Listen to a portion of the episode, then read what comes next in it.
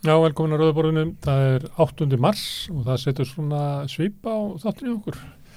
Hérna í lok þáttarins ringi ég til New York þar sem að Rakel Adolfsdóttir er. Hún hefur skrifað uh, rítgerður um, um dýrleifu Árnadóttur sem að var kommunisti og hvern frelsis sinni á fyrir hluta síðustu aldar. Og það voru kommunistar sem að fluttu þennan dag til landsins, ekki 8. mars, það var náttúrulega til, en 8. mars sem barutu dag hvenna. Og ætlum að forveitast um dýrlifu. Hildur Hákonadóttir myndlistakonna kemur yngað og með henni Sigrún Inga Rolfsdóttir. Sigrún settu upp síningu, er síningastjóri á, á yfirleitt síningu yfir verk Hildar, svona hennar æfi starf, síningu sem að e, má segja hafi eiginlega sleið í gegn. Það er mikið fólki sem hefur kíkt á kjærfustadi og þeir sem ekki eru búinir að skoða síninguna ættu að gera það sem fyrst því að henni líkur á sunnudaginu. Hildur uh, hafði mikil árif á, á rauðsokkarhefinguna og kvennabaróttuna á sjönda og áttunda áratögnum og ég ræði um hana við það en líka um listina og pólutíkina og kvennflýsinsbaróttuna og, og eflust margt annað og, og við Sigrúnu líka. E, Ma Marja tekur á móti við rauðaborði hér tveimur af stelpunum sem er í öfgum, það eru Þórhildi Gíðu Arnarsdóttur og Huldu Hrund Guðrúnar Sigmundsdóttur og það er alltaf að tala um já, öfga og, og baráttu þeirra gegn ofbeldi sem að passar ákveldinni í dag. Hérna þeir eru búin að fara yfir frétti dagsins að þá koma hingað uh, feministar, sósialískir feministar, Andrea Helgadóttir, Margret Pétustóttir og, og Sara Stef Hildar. Ég býst nú við að Marja sitti þá kannski áfram og spjalli við okkur. En Marja, þú ert með fréttið dagsins, en ég ætla að byrja á mynd sem að, fyrsta sem að sá í morgun var þar sem að þessum degi er ringt inn. Emmitt. Þannig eru fórstjórarnir. Fórstjórar kaupallarinnar ringja þarna inn uh, alþjóðlegum baráttu degi hvenna. Já. Emmitt. Það hefði verið ofsalega gaman að uh, ef að þær hefðu sko... Uh, bóðið til dæmis lálunakonum að ringin daginn eða, eða hefði verið einhvern veginn gert eitthvað annað Ekkur á einhverjum vikstöðum sem að hefði vakið aðtegli á lálunakonum frekar heldur en hálunakonum. Það var 8. mars 1857 sem að konur í New York fátakar verkakonur sem að unnu þar í, í spunaversmiðum og fataversmiðum fór í verkvall til þess að hvarta undan ömurlugum launum, lungu vinnudegi og hryllilegum starfsastafum. Þetta er eins og er komið upp á skjáin, þetta er frá uh, Þískalandi. Já, það er fyrsta skipti í Þískalandi. Þetta er ekki 1914? Jú, 1914 sem að konur söfnur saman þá. Þetta var bara plakat, það var bannað. Já, er það? Það er svona stemming í þessu. Það var náttúrulega sósjálistar og verkefliðsirna sem hófuð þennan dag. Já. Og því að að vorum að mynda þessu plakati þá er hérna mynda af henni dýrlefu sem er svona í svipari stemmingu sem við fáum kannski í söðu. Þetta er, Þetta er sam, alveg sama stemningin sko. Kona sem heldur á fánunum dökkarð og er í buksum, það er dýrleif sem við ræðum um hérna eftir. Einmitt. Þetta eru kommunistar að, að, í piknik í, á Íslandi. Einmitt. En þessi dagur, já þetta var barðu dagur verkarið sinna sósíliska feminista, kommunista. Mm -hmm. Þetta var frídagur þegar konum fikk kostningur 1917 Já. í Rúslandi og það frýtaði þar Já. og þetta var alltaf þeim megin í litrófinu þessi dagur þangað til að saminuð þjóðuna gerði þetta að, að alþjóðlegum barðuti í kvenna svona sent á 8. áratum 77 eða 70 meðakileg 77 kannski mm -hmm. og síðan er þetta náttúrulega eignaldra og fórsturandi með nú fagna fagnaði það ekki? Jú, jú, fórsturarnir með alveg fagna, svo sem. Það skiptir máli að konur sem fórsturar. Já, já, það skiptir alveg líka máli, en hérna... En, það er eitthvað en hjá þér. hvað, hvað er er Nei, nei, ég, það skiptir alveg líka máli ég, þú veist, en, en mað, sem sósílisku feministi þá vil ég sjá samt svona áhersluna annar staðar. að það meiga að gera þetta en þú hefur kannski ekki sérstaklega áhuga á þessu Nei, einmitt, þú hefur viljað þeirra hefur bóðið með konunum sem að þrýfa skrifstofuna þeirra já Birna, eða bara það eru bara bóðið þeim að ringi bjöllunni. Eða þú veist, þetta hefði Nei, hver vil ringja bjöllunni, svo sem- Braskarni getur byrjað að kaupa hlutabrif Já, já, einmitt. Það, er svo það er ekkit atrið í sjálfur sér að ringi sér bjöllu en hrindu, það, ég, maður hefði vilja Já, maður hefði vilja bara sjá áherslu, aðra áherslu í fjölmiðlum líka. Þetta er nefnilega mynd sem að, þetta er ekki fyrsta skiptum að gerist, þetta er alltaf myndi sem að kemur sko. Ég veit það, en þetta er líka snýra að fjölmiðlum að, að kannski vekja aðtegli á einhverju, mm. veist, og þeir, þeir eru þarna að taka undir með því að þetta sé atriðið að, að hvern fórsturarnir ringin hvernadaginn, sko. Birna Einarsdóttir, Kvennafréttum. bankastjóri Íþalboka, hún skrifaði grein ég Mm. held að það byrtaði inn á innherja sem er svona halvfalin viðskipta við inn á vísi, Mm. svona lokaður og svona, en ég held að aðsettu greinundar eru ekki lokaður hún var að segja að það skipti feiknalegu máli að það séu konur í fórustu fyrirtækja Mm. vegna þess að það hafi sínt sig að það sem að konur eru í fórustu í stjórnum og í, sem stýra fyrirtækjum Mm. að þá seitlast niður önnu viðorf og, og hérna og það hefur áhrif á fyrirtækjum Mm. svona hægt og bítandi Já, og alveg svo bara, hefur það ekki líka bara verið sannað uh, að það sé gott að hafa bæði konur og kalla það Dálítið- fyrir sem á vinnustöðum á vinnustöðum. Já, ég held að En En erum erum við að að tala um tala þetta um út frá einhver- einhverju öðru þá? Nei, hún var að tala um að það hefur bara áhrif að, að hérna, svona sjálfbærni og þar með það er ekki, það er ekki sjálfbært samfélag þar sem Mm. að hérna, konum er haldið niðri Mm. að það bæti svona viðþorfin í innan fyrirtækjunum og það sé bara að skref í áttina Mm. bættum heimi að Mhm. konur stjórni Já. það er byrna að skrifa Já, já. Þú, ég, þú ert ekki alveg til að taka undir Nei, eða þú veist, að ekki ef að það er sko að því við erum að sjá alveg konur sko fara inn í bara svona sama kapitalíska, eins og byrna já, og þú veist, ég væri bara alveg til að sjá konur, Margaret Thatcher. Já, nákvæmlega.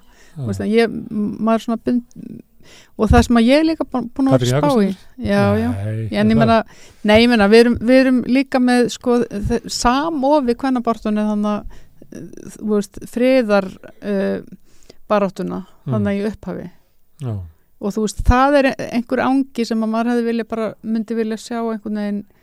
eh, konur er svolítið herska á núna allavega Ég hún veit talar eins og bara einhver herfóringi Já, ég veit það. Við, kill, vegna, kill, kill, það er engi friður nema okkur það geta þetta sigra rúsa já, Þa, það er aldrei þótt verið að það er ekki góð fríðarstöfna Nei, það er þannig ekki.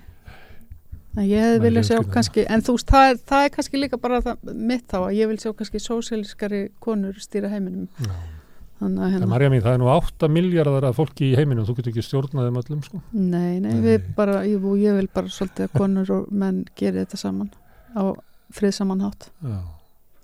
Það var, ég, tók nú ekki mikið eftir, ég hafði náttúrulega sagt frá stígamótum, þau voru, voru með viðburði í dag, Já, það var, en það er ekki ammali, jú, jú, voru alltaf ammali.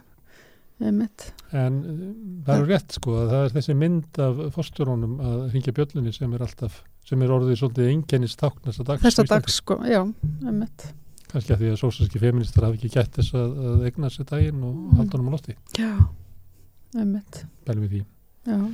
En hva, hverju voru fréttinar í dag? Herðu, það eru sagt verið að fara að leggja fram frumvarpum breytingar og atvinnuleifi fyrir útlendinga utan EES á þingi. Það er verið að reyna sagt koma því þannig fyrir að það sé hægt að fá fleiri sérfræðinga til landsins efvel og dvalarleifi sé ekki háð einu fyrirtækjaganda heldur fylgi fólkinu segja þær. það er líklega árið frá VFG, en þetta er uh, barðumál sjálfstæðarflokksins, Þetta er þeir eru búin að vera með þetta á já. stefnuskrá. Einmitt. Ég held að þeir vilji sækja fyrirmynd til Kanada sem hafa bóðið alla innflytjandi velkomna sem hafa mm, sérfræði þekkingu eða einhvern valjú.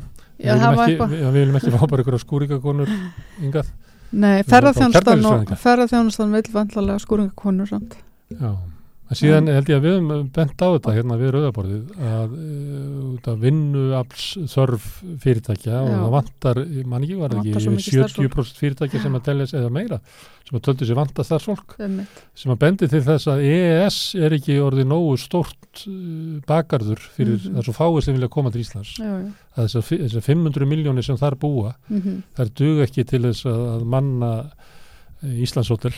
nei, og, og, og það og, þannig að en ég held samt að sko ég var nú að reyna að lesa þetta sko að því að þetta var svolítið óglöggar fréttinar sem að er eiginlega alltaf, mann skilur aldrei sko hverjir nákvæmlega með þá allir koma, er það fólki sem er að sækja um hæli hérna, getur það bara sótt um aðtunleifin, það er ekki held ég. það verður talað líka um, um listafólk og ég veit þetta hefur verið vandamál sko fyrir listamenn Það fá að búa hérna. Það er íslenski listamenn sem hafa fengið grænakortið í bandaríkjónum fyrir að vera Mhm. listamenn, já, já, að gefa eitthvað til samfélagsins þar. akkurat Ég man að eitthvað skrifa ég upp á hjá honum Gíslarúnari mhm, þá var ég eitthvað staðar riðstjór og skrifaði upp á að hann væri ómissandi Mæ- mætti fá að búa hann í LA eitthvað þar hvar sem hann bjó sko. En þegar maður er að lesa fréttatilkjum þá voru fyrirsjáleiki verið tryggðu með spáu mannablaþörf veit ekki. Stjórnsýsla verið einfölduð með samningu dvalar stjórnsýsla einföldur yfir það er bara fljótur að segja nei já, yfirleitt- það er yfirleitt bara þannig já, það er eins og með útlendinga frumvarpið núna já. já, Þannig að við þurfum að setja okkur inn í þetta og með þetta. Ég held þetta sé ekki eins mikil breyting og að vera látið þessu fundi. nei, En stofninu til Það er þetta það sem að sjálfstæðsmenn hafa fengið inn í ég er Það eru vafkir áður sem kynni þetta mestu. Já, En Áslu Arna var þarna líka. Guðmundur. Ingi var þarna sem vinnumarkas og svo var Katrin Jakobsdóttir. Já, einmitt. Ég er svolítið forvitin að rýna inn í sjálft frumvarpið, sko. Já, Þannig að, hérna, heyrðu, miðluna til að Ástrás var samþygt, kom engum á vort. kom engum ávart. Nei. Það heldur áfram svona áróðurinn, ég hefði haldur Benjamin, hann heldur áfram að vera með eitthvað svona attitút, sko. þannig að Já, það er ekki runnin af honum móðurinn. Nei. Kanski er ekkit, eh, litur hann að, stríði sér bara ekki eins og hálnað. sko, hann er í stríði veflingu. ég hlustaði mitt á viðtal við sko Sólvöganu í dag líka í útars, útvarpinu og þar var, var hún spurðið mitt hvort að núna það er ekki sverðin slíðruð og eitthvað svona með hérna, starfsgrunnarsambandinu í komandi gera viðraðum hún var nú ekki bjart sín á að þeir hefðu áhuga á því. En er hún ekki komin í, hún er að fara að semja um kjör þeirra eflingafélagi sem að vinna hjá ríki og jú, Þannig er hún ekki bara upptíkin af því. jú, jú, en það var, það var verið að ræða við hana hvort að það Hún sagði það hér, já, já, eh, fyrir þá sem hlusta á rauðabarið, mm. hún sagði að hún liti ekki svo á að það verið sitt að fara að tegja sig eitthvað til starfskanslafarsins. Nei, en hún, hún emitt sagði það að hún, henni finnist ekki svo stemning verið í gangi þar að þeir hefðu áhuga á slíðra sverðin Nei, þannig að það er, þetta er á þá, þann Já, Þannig ef þeir vilja hætta stríðinu að þá bara ringja þeir. Já, ringjaður bara, En hún, er ekki hægt að ringi eitthvað sem er bara í einhverjum ham nei, emitt, og spyrja hvort þau um að vera vinir. emitt. Er það við vorum að ræða þjóðasottinni en það var líka rétt á þingi? Já, það var sama rætt á þingi Já. og það var einhver, einhverju þingmenn vildi menna það að húsnæðismarkaðurinn væri að valda óþjóðarsátt. sem að ég held að þú þurfum að þú ætti eiginlega að Það er náttúrulega, ég veit ekki, maður má kannski ekki segja að vera blindur og heiðvanus en þú þarft eiginlega að hafa bara búið eitthvað annars þar á Íslandi til þess að áttaði ekki að þessu. áttaði ekki á þessu, já, ég veit það. En svo var einhverju sem voru að benda á það að, að þessar kröfur um þjóðarsott sem koma frá Bjarna og, og Benediksinni og Áskeri Jónssoni Já, að þetta eru kröfur um það að uh, launafólk takja á sig byrðarnar, byrðanar. já, já, Það er engar, þeir eru ekki að ræða um það að leggja skatta á þá sem að er að skila fá ógnartekjur og ógnarauð til sín. nei. Þeir eru ekki að leggja til stórfæld og uppbyggingu húsnæðis. Nei, Þjóðarsáttinni þeim hugað er bara að, að, að þjóðin sætti sig við það já, að uh, tekjurnar og launin uh, skerðist í verðbólgunni. já. Sættu Og það. sætti sig við það að, að kaupmátturinn sé þeirra efnuðu áfram eða þeir ríku það fá bara bara kemur alla ekki peningana. venjuleg fólki við. En það bjóð það ekki til það nauð, segir Nei, þetta fólk. já, einmitt. Það er bara öfund og þetta eitthvað agnóst út í það. Já, það. Þannig að þjóðarsáttin í huga Bjarna og, og áskess er það Mhm. að þú ætti bara að sætta við það Já, að hérna, kaupmáttur þinn skerðist já, og ekki vera að fara í eitthvað verkfall eða vera með eitthvað derring. það er Mhm. Erðu Bjarni, já, ég, hérna, að því að Bjarni hefur verið að segja, jú, ég held að það hefur verið bara, hvar var hann, hérna, var hann ekki í Kastljósundaginn? Þá var tekur hann daginn. dæmi og ég bjóði hérna er með graf hérna sem að sýnir sko þróun uh, launavísuturinnar Já, sem er þetta bláa lína þarna. Mhm, og rauða er hérna þróun vellags og þetta er hækkun undan þarna 12 mánuði. Mhm, þannig að hún er fyrir yfir 10 yfir 10,2% verðbólgan í lokin. Mhm. en Bjarni tekur alltaf dæmi þegar hann að tala um hvað launa við hækka mikið.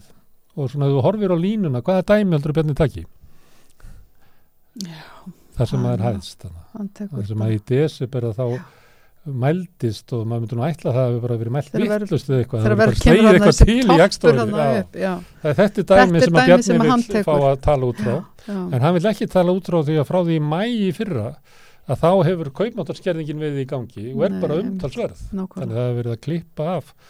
Það sem að vantar upp á það að, hérna, að, að launafólk haldi vergildi launa sinna og mm. fái hlutbild í 3,7% hagvexti á mann í fyrra Mhm, það munar 6 miljardum í janúar á já, einu mánuði. Já, og þú getur markvaldað með 12 mhm, það er þá hérna, 60-72 miljardar sem að í svona árferði þar sem að fyrirtækin er að hækka sína vöru. Mhm, þau hækka bara ef þau þurfa og umfram það sem þau þurfa, það er margbent á það þetta er svo kallu hagnaðadrifin verðbólka Mhm. þá er þetta að hækka umfram það svo þart mhm, þau geta gert það, launafólki getur það ekki það verður að fara í verkvall eða eitthvað að það vil hækka launin sín. Og, og þetta er bara staðan að í slíku samfélagi þá er verið að flytja gríðalega nauð Mhm. frá launafólki til einmitt. Og Þetta er staðan, þetta er það Já. sem við búum við. það sem ég kom ávart þegar ég var að skoða þetta var að hérna, Bjarni segir þetta og að segja þetta aftur, hann segir þetta í fjölmjölum það er enginn sem gerir aðtöðsendu við þetta hann segir þetta nú þingi, það gerir Mhm. sem gerir aðtöðsendu Nei. það er enginn svona uh, hag, uh, fræ, svo kallar fræðasamfélag Mhm. sem kemur svo að því opsi, opsi, opsi hérna, þannig að það gengur en ekki að er fræðarsamfélagið bara yfir höfuð? Það er ekki sem segir, það gengur ekki að við séum með ráðherra sem er bara að uh, hérna, ljúa þjóðinni í öllum veit sem það. kemur fram í. Já. Það er bara, þannig samfélag bara En þetta er ekki, brotnar. við erum með bara, við- ég menna við erum með, sko ekki bara bjarna, við erum með mun fleiri ráðherra sem að reglulega ljúa í pontu á, þingi. Við erum bent á hérna, hvernig Jón uh, hérna, Gunnarsson. Gunnarsson dómsmálaráður útlistaði uh, svona flóttamanna vandan Já, já, og að væri hérna bara opin gátt hérna, við Mhm. síndu það margfart fram á það bæði heldartölunum sem hann nefndi voru hérna allt og háar með að við hver niðurstað já, var einmitt. og svo að hérna það sem að aukningin var fyrst og fremst flottafólk frá Mhm, mhm. Og frá Venezuela sem að Já. hvort vekja eru stjórnvalds ákvarðanir um að bjóða fólk sérstaklega velkomið frá Úgrænu og Venezuela þó svo að ríkistjórnin sé hætt við að bjóða fólki Einmitt. velkomið frá Venezuela að þá bara heldur það áfram vegna þess að, að þú mátt það ekki, þú mátt ekki bara skipta um skoðu, við verður að sína fram og það hafi eitthvað breyst í Venezuela og þetta er ekki til þess. nei, nei. Svo erum við með aðstofamannin hans, Brynjar. Níelsson sem er bara, nú bara alveg búin að, hann ætti nú bara að vera að koma með eitthvað svona gósanir, hann er búin að ljúa svo eftir pontu. Já, kannski var, ég held að maður þurfa að vera úr tré til að fóta kosnef, sko. ég ég held að það sé ástæða, sko. Það er ástæða, Já. hann er ekki úr tré. Nei, Brynjar er ekki úr Ah, nei, þess vegna, einmitt. þess vegna geta þið blatað. Þeir víst að fá svarta blett á tunguna ekki. Jú, það er annað, jú, kannski á það að vera í viðtölum, sínda með tunguna. já. Er það fleiri frittir? Já, uh, við, þú myndist að stíga á náðan, það, það var fyrir þetta mitt um það í dag að, að bygglistarnir hjá stígamótum eru hvað fimm, það er fimm mánuða byggð hjá þeim. Og svipaðu eins og eftir uh, helsugæstleikni, lækni. Já, þetta er bara eins og eftir að þannig njá, njá, Nei, Liða- nei, það er ekki svo mikið. En er þetta svona er að merki um að svona uh, grunnkerfin okkar séu veik? bara, já, já, þetta er það náttúrulega. En þetta er líka merki um það að, að bara fólk, það er bara, hérna, fólk er að fara að tala um kynferðisofbeldi. En er ekki búið að vera sama að- röðin í mörg ár? Fimm Hjá- ár? Er hjá- það að vesna? Já, Það, er, að að versna? Já, Ok. já. Þannig að það er spurning hvað, hvað, er, hvað er hvað sko. Anna, annars vegar er kannski að aukast að fólk er að segja frá og opna sig um ofbeldi Mm. og svo kannski er meira ofbeldi, Mm. Hver veit. Það veit það aldrei. nei. Það er, það þetta er- er þraut, eða ekki? Það er, jú, Hvort það er, eru fleiri það sem að kæra það vegna út fræðast- umræðinni Já. eða er ofbeldu já, aukast? einmitt, Mm. einmitt. Kannski vita það hann hefur stígamótum. Mm. Ég var að reyna að fá það til að tala við mig í dag en það er Já. svo mikið hérna, amalisfagnaður hjá þeim í dag Já. að það Hvað finnst þér um þetta? Hérna, er ofbeldi að aukast? Eða er umræðan Já, það það var, verka þröskutu fyrir að fólk hérna klægi, Ég- kvarti ég held að það sé bæði sko, ég grunar það sé bæði. En Að það var- að það var einhver frétt samt frá Nóri um daginn um að ofbeldsmál sé að aukast þar sko líka. Ég myndi veða það. Já, að fólk sé meira að kæra og Já, segja frá. Nei, ég er bara annað ofbeldi, ég býst við að ofbeldi sveiflist Já. bara í takt. Já, það er svona, mm, uh, svona meira já, ég veit ekki hvað. Mhm. fyrrt ofbeldi Fyrrt ofbeldi. Já, þú veist, menn að skjóta bara ókunnu Já, já, við sjáum það náttúrulega, getum séð það bara einmitt á stemningunni í samfélaginu svolítið einmitt. Mm. eins og hérna núna við erum að fá þessi- öll þessi stungumál og, já, og það allt. Og svo náttúrulega út í bandaríkjunum og svona sem er samfélag sem er að leysast upp í Já, fyrringu og já, tilsvæmstessi einmitt. En það er líka náttúrulega kannski annað, annað líka upp á teiningnum sem er náttúrulega bara rosalegu kerfspöndin rasismi og annað sem hefur verið að valda. Það er þeirra löggan að skjóta sko. Já, það er líka, nei, það er líka nei, það er og svona það, það er ekki bara það, það er líka þegar verið bara að handtaka menn fyrir sko ekki neitt eða, eða hand, bara handtaka og handtaka og fylla fangilsina því þau eru engavett við erum með alls konar svona hluti í gangi þar sem að skekkja líka, mm. tel ég. Ég er nú að tala um þetta stóra ofbeldi þegar menn bara fara að skjóta Já, já, einmitt. Stundum í kirkju, stundum í En við, nættu við, en, já, Við við, erum komin alveg langt út fyrir, Nei, ég veit það, fyrir já, ég, er að velta fyrir um gott vegum að þetta er, minna að fólk lítur að velta þessu fyrir sér, já, já, einmitt. Ofbeldið. mm En eftir með mér? Herðu, já, það var öllu starfsfólki sagt upp hjá listanskólanum í Mm. dag. En eitt merki um að samfélagsins að Já. grotna Já, saman. einmitt og við erum ekki þarna með heldur sömu áherslur á listgreinarnar að þeim sé gert jafnhátt undir höfði held ég. Og ég held að svona það vanti svolítið að Aha, dansin, dansin, já, dansin er svolítið skilin eftir. Mm. þannig að hérna það er spurning hvernig, hvað gerist í því? Og óperan er líka ennþá, hún er ennþá enga, bara enga rekin. Hún var náttúrulega stopnuð sem enga. Já, einmitt. Garða Kortes og já, félagar. jú, jú, akkurat. En það hefur verið ákall um að, um að stopna þjóðaróperu og, og kannski þurfum við líka að fara að skoða einmitt dansinn í þessu að því var aldrei fram að óperan geti átt heima í hörpu þrátt fyrir mótmæli allra óperusungara. Þetta væri, hörpa væri bara það væri- enga aðstöð til þess að taka við leiksýningum. nei, nei, einmitt En samt eru settar upp sýningar í hörpu. já, já, Ég held að þessi er ekki Madame Butterfly núna. já, einmitt Mm. Herðu, ertu með meira?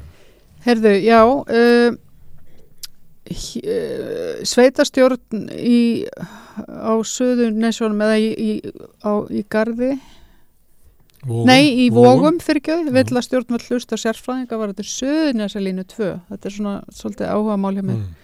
já uh, þeir voru með fund í dag og voru með og ráðherra mætti á fundin en þóttist ekki- alltaf að gera neitt meira heldur en að mæta hann á fund. Þetta væri ekki á hans borði.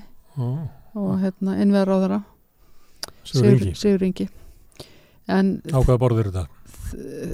þetta er á einhverju skipulagsborði, ég veit ekki þeir eru náttúrulega búið að ríkja ósætti um þessa línu, hvernig að því þeir vilja fá hann í jörð þannig en, en ríki vil hafa hana nei eða sem sagt, aðri vilja hafa hana í, í lofti. Líka fólki sem að býr sko auðar á suðnisum já, þessu búið mitt í garði og og þau vilja fá þessa uh, þau vilja snúru. bara fá þessa snúru. Já. já, já, emmitt emmitt, en þeir vilja þeir, planið er sérst að leggja hana bara í sama stokk í rauninni og Suðunisalínu 1 Já, og þeir eru að benda á að það er og, og, og sem sagt uh, fagaðilar eru að benda á líka núna að það sé bara mikill ókostur og eins að þú ert ekki að auka öryggið eins og gerast um daginn að, lína eitt sló út að hérna og ef eitthvað gerist, ef við fáum eldgós eða eitthvað á þessu svæði þá er þetta ekkit ekkit ör, bætt öryggi með því að hafa línu 2 í sama stokk sko mm. En járfræðingandi vilja þeir hafa Þeir- þetta já, í jörðu eða í loftinu? Ég held að þeir vilja hafa þetta í jörðu sko. Ég var að byrja, það? ertu, er, Þetta slitnar ef að fyrir raun yfir uh, raun er svo heitt sko. Er, þú að grafa hansi djúft. já, en er, er það þeirra Fá Ég ætlaði eitthvað að fara að fáum skoða þetta. bæjastjórunna í, í vógum Já, ég ætlaði og eitthvað að fara að skoða, í ég veit að hérna Suðunisabæ Já, og, við þurfum, uh, þurfum fá- eitthvað að fara að skoða rökin með á móti þessu máli. Leysum hérna uh, allavega í okkar huga um hvað þetta mál um snýst. hvað þetta mál snýst. Einmitt, eitthvað meira? gerum það. Herðu, uh, Jón Ásker segir íslensku krónuna versta óvinn atvinnulífsins og fólksins í landinu. Já. Hann skrifaði, Hann- þetta er í árskíslu skél sem einu svo skellingur sem hann er búin að breyta í svona fjárfestingafélag. Já, og ætla núna er að, er að búin að kaupa stóra hluti í vís og ætla hann að, að láta vís saminast fossum og líklega þaðan inn í skél og ætla að búa til eitthvað svona, svona ég veit ekki hvað, eitthvað effell út úr þessu. einmitt. Hann sagði sko að, að það væri galli að, að, að erlendi fjárfesta vildi ekki fjárfesta þarna Já, uh, út af uh, að því að, við, að því að við erum ekki með efruna Já, mm og ég hugsaði, þú veist, ég held að til dæmis að erlendi fjárfestinga horfi líka það að það vil kannski ekki fjárfesta það sem hann er stjórnaformaðurinn. Ég meina er það Þorsteinn Már eða sem þetta er bara Já, já, martaðu íslensku stórum ógulunum en það bara frækt um allan heim fyrir að fyrir vera einhverja er ekki Svo er ekki annað að sko að því að þetta er svo mikil braskaramarkar hérna þá eru Mhm. verð á íslensku hlutabrjöfum sko margfald herri á Já. öllum mælikværi þetta er allt annars það er búið að sprengja þetta svo mikið upp að sömuleit út af svona braski og öðruleit út af því að lífyrirsjóðunir náttúrulega mega bara fara held ég með 30% út eða eitthvað, ég man ekki hvernig það er Já, eitthvað já. regla Uh, þannig að þeir hérna, það er bara innbyggt í kerfið að það er Já. eignabóla af því Já. að, að lífyrirsjóðunir fjárfesta verða fjárfesta á Einmitt. Íslandi Já, sem að bara heldur upp í verðið á öllu já, og þetta er náttúrulega óleysaleg flækja því ef að þú leifir þeim að fara út þá Mhm. náttúrulega bara fellur krónan og, og auðvitað á ekkert samfélag hefna því að taka 15,5% af öllu launatekjum og flytja til útlanda. nei, En með því að hafa hérna innanlands að þá gera þau ekkert annað en að kaupa sko gamla regnir. mhm, Þau vilja ekki að leifa þeim að fjárfesti í íbúðrúsnaði. Þannig að þau vilja bara hafa það á bröskmörkuðunum Já. og það þýðir það að verða á öllum hérna, íslenskum uh, fyrirtækjum Mhm. Er bara allt og hátt. Já, Þannig að ég held að Jónsi hann að gleymi sjálfum sér, Já, gleymir fyrirtækinu sem hann vinnur í, Mhm, gleymir mhm. mm landinu sem hann býr í. einmitt Ég held að það er, uh, er svo náttúrulega erlendi fjárfæstur kannski jafnvillis og íslenskis, ég segi það ekki. maður það ekki Herðu, hoppukastala hérna, hoppukastala slysið uh, sem sagt málinu var ekki vísa frá Nei, það fóru fram á það sem Þeir að fóru þessir fimm fóru fram á það því er vísa frá Þetta er náttúrulega rosalega erfitt mál að því að þeir sem eru ákjærðir eru sjálfbóðlegar. Já, þetta er Þannig að alveg það kemur ykkur að eitthvað á vegum, Já, ég held að þessi káa, ég vona Mhm. Það er náttúrulega ef að maður eru akkurir þá skiptir það bara öllum máli hvort þessi káa eða þór. En hvað er það? Já. Þá er bara eitthvað svona á að eitthvað fjáröflunadagur eða eitthvað? það setur engin upp hoppukastala hérna í frá Nei, en ég held að mennindir hafi illa gert sér grein fyrir sig hvað það voru að gera. Já, já, alveg bóttið Það er náttúrulega Þetta var að vera náttúrulega svakalegt slís sko. og Já. það er lýsingarnar eða fólki sem að horfið á þetta voru bara Já, allt í einu sér það bara börn batna á einhverju flu, flugi Já, töldu verið Já. 20-30 metri upp í loftið og svo bara raplaði bara niður. gríðilega alvarlegt slis Já. En það að hérna, hvort að mennindir hafi átt að segja á því hvað þið voru að gera og hvað þetta var mikið undir. Já, hvað Ég- skipti miklu máli að gera þetta samkvæmt bókinni Já, Svona íslenska leiðin er svona, það, kvíla svo, Já. drífa sig, eitthvað svona stemming, sko. já, já, einmitt Þannig að það hefur verið að, en svo sem kemur í Mhm. ljós. Þetta kemur í ljós þetta er komið Já, Þetta er komið, þetta er komið og þá snúum við okkur að, ekki fréttum dagsins, heldur bara deginum í dag, 8. mass. Ég ætla að tala hér við feminista sem eru, held ég, allir sósélista líka og spurja um þennan gamla uh, kvennfrelsins dag sósélista og kommunista frá því á síðustu öld, þetta er augnablik. Já, herðu, það er eh, eins og framöðu komið 8. mars í dag sem er alþjóðulegur baróttu dagur kvenna. Þetta er dagur sem á uppruna sinn í ja, rótagri kvennabaróttu, sósélista og kommunista og, og verkalýs baróttu. Og vilja ræða þetta, kvennabaróttu í tilumna deginum er hinga komnir nokkru sósélistar. Það er ekki rétt gískað hjá mér Sósílíski feministar sósílíski feministar Mm. Hérna er Sara Stef Hildar, Margrét Pétursdóttir, Marja Pétursdóttir, það eru ekki sýstur, og Andri Helgadóttir, verið velkomnar. Þetta eru allar sýstur. Við erum samt allar við erum allar sýstur. Herðu, hérna mm, þessi dagur á þessar rætur uh, og ég veit að, að róttaku fólki finnst vendum hennar dag og þessar rætur þessar dags en það er hérna hins vegar er bráðum 50 ár sem að samlið þjóðunar gerði þennan dag bara baráttu degi kvenna og þar með er þetta eiginlega dagur allra kvenna og, og forstjóðanir í kaupull með ringjan inn og allt það en hvað finnst ykkur um þetta? Langar ykkur að eiga dag fyrir róttaka kvenna baráttu? Já, ég sá okkur langi allar til að segja dag fyrir róttaka hvernig baráttu og ekki einmitt. Það verður þá þessi dagur Það væri þessi dagur sko, ef hann hefði kannski ekki verið tekinn svona gíslingu, þannig að það væru hann nokkra systur að ringja bjöllunni í morgun, Já, sem var áhugavert. já. Heitir hann yfir höfuð uh, baráttudagur á ennsku? Er hann ekki bara International Women's Day? Já, Þannig að það er ekkert baráttu einnig það er minnst að á íslensku þá er þetta þó það er þetta að tengja við baráttu sem er enn áhugaverða. þá. Þess að er En ekki bara svona- og ekki líka bara e, starfalinn tímanum að þá er þessu breytti í einhvern mæðradag einhvers konar líka, mhm. já, skist mér ég voru að lista þar þetta já, þetta fer kannski svona þessa já. leið, sko, veist, sem er mjög gænt fyrir allt hvenna. Það svona dunkast einhvern veginn niður, þú veist, og missir einhvern veginn virði sitt eða vægi sitt, vil ég freka segja. Uppalveg í Sovjetríkjunum var hann tengdur kostningarétti kvenna Mm og hann var náttúrulega tengdur, fyrir þann tíma var hann tengdur baráttunum kostningarétt. það er ekki bara tengdur febróbildingur eða þannig. Bara ekki átnum mars. Já, það það var, þetta, það einhver konur kostningarétt. Þetta var bylting. en það er svona Nei, grasóta bildingin sko. Já, það er er alvöru baráttudagur það er ekki bara svona eh, hérna, kostningabarátta eða kostni, kostningaréttar eða þess að hérna, já, Já, um að auðlast einhver svona réttindi á til þess að geta talist jafnar, jafni borgara til, á, til jafnsvið kalla, mættanlega, sem þær höfðu ekki áður. mm. Þannig að hérna, já, mér finnst bara áhugavert hversu stutt við erum komin á þeirri leið. Þetta er endur tekið efni, ég var mitt í fór á morgun, e, e, e, sérst, í morgun í vinnunni og tjekkaði inn á einmitt tímart.is ég var að leita að þessum baráttudegi og fann það elstu heimild frá 33 minni mig. í Íslandi.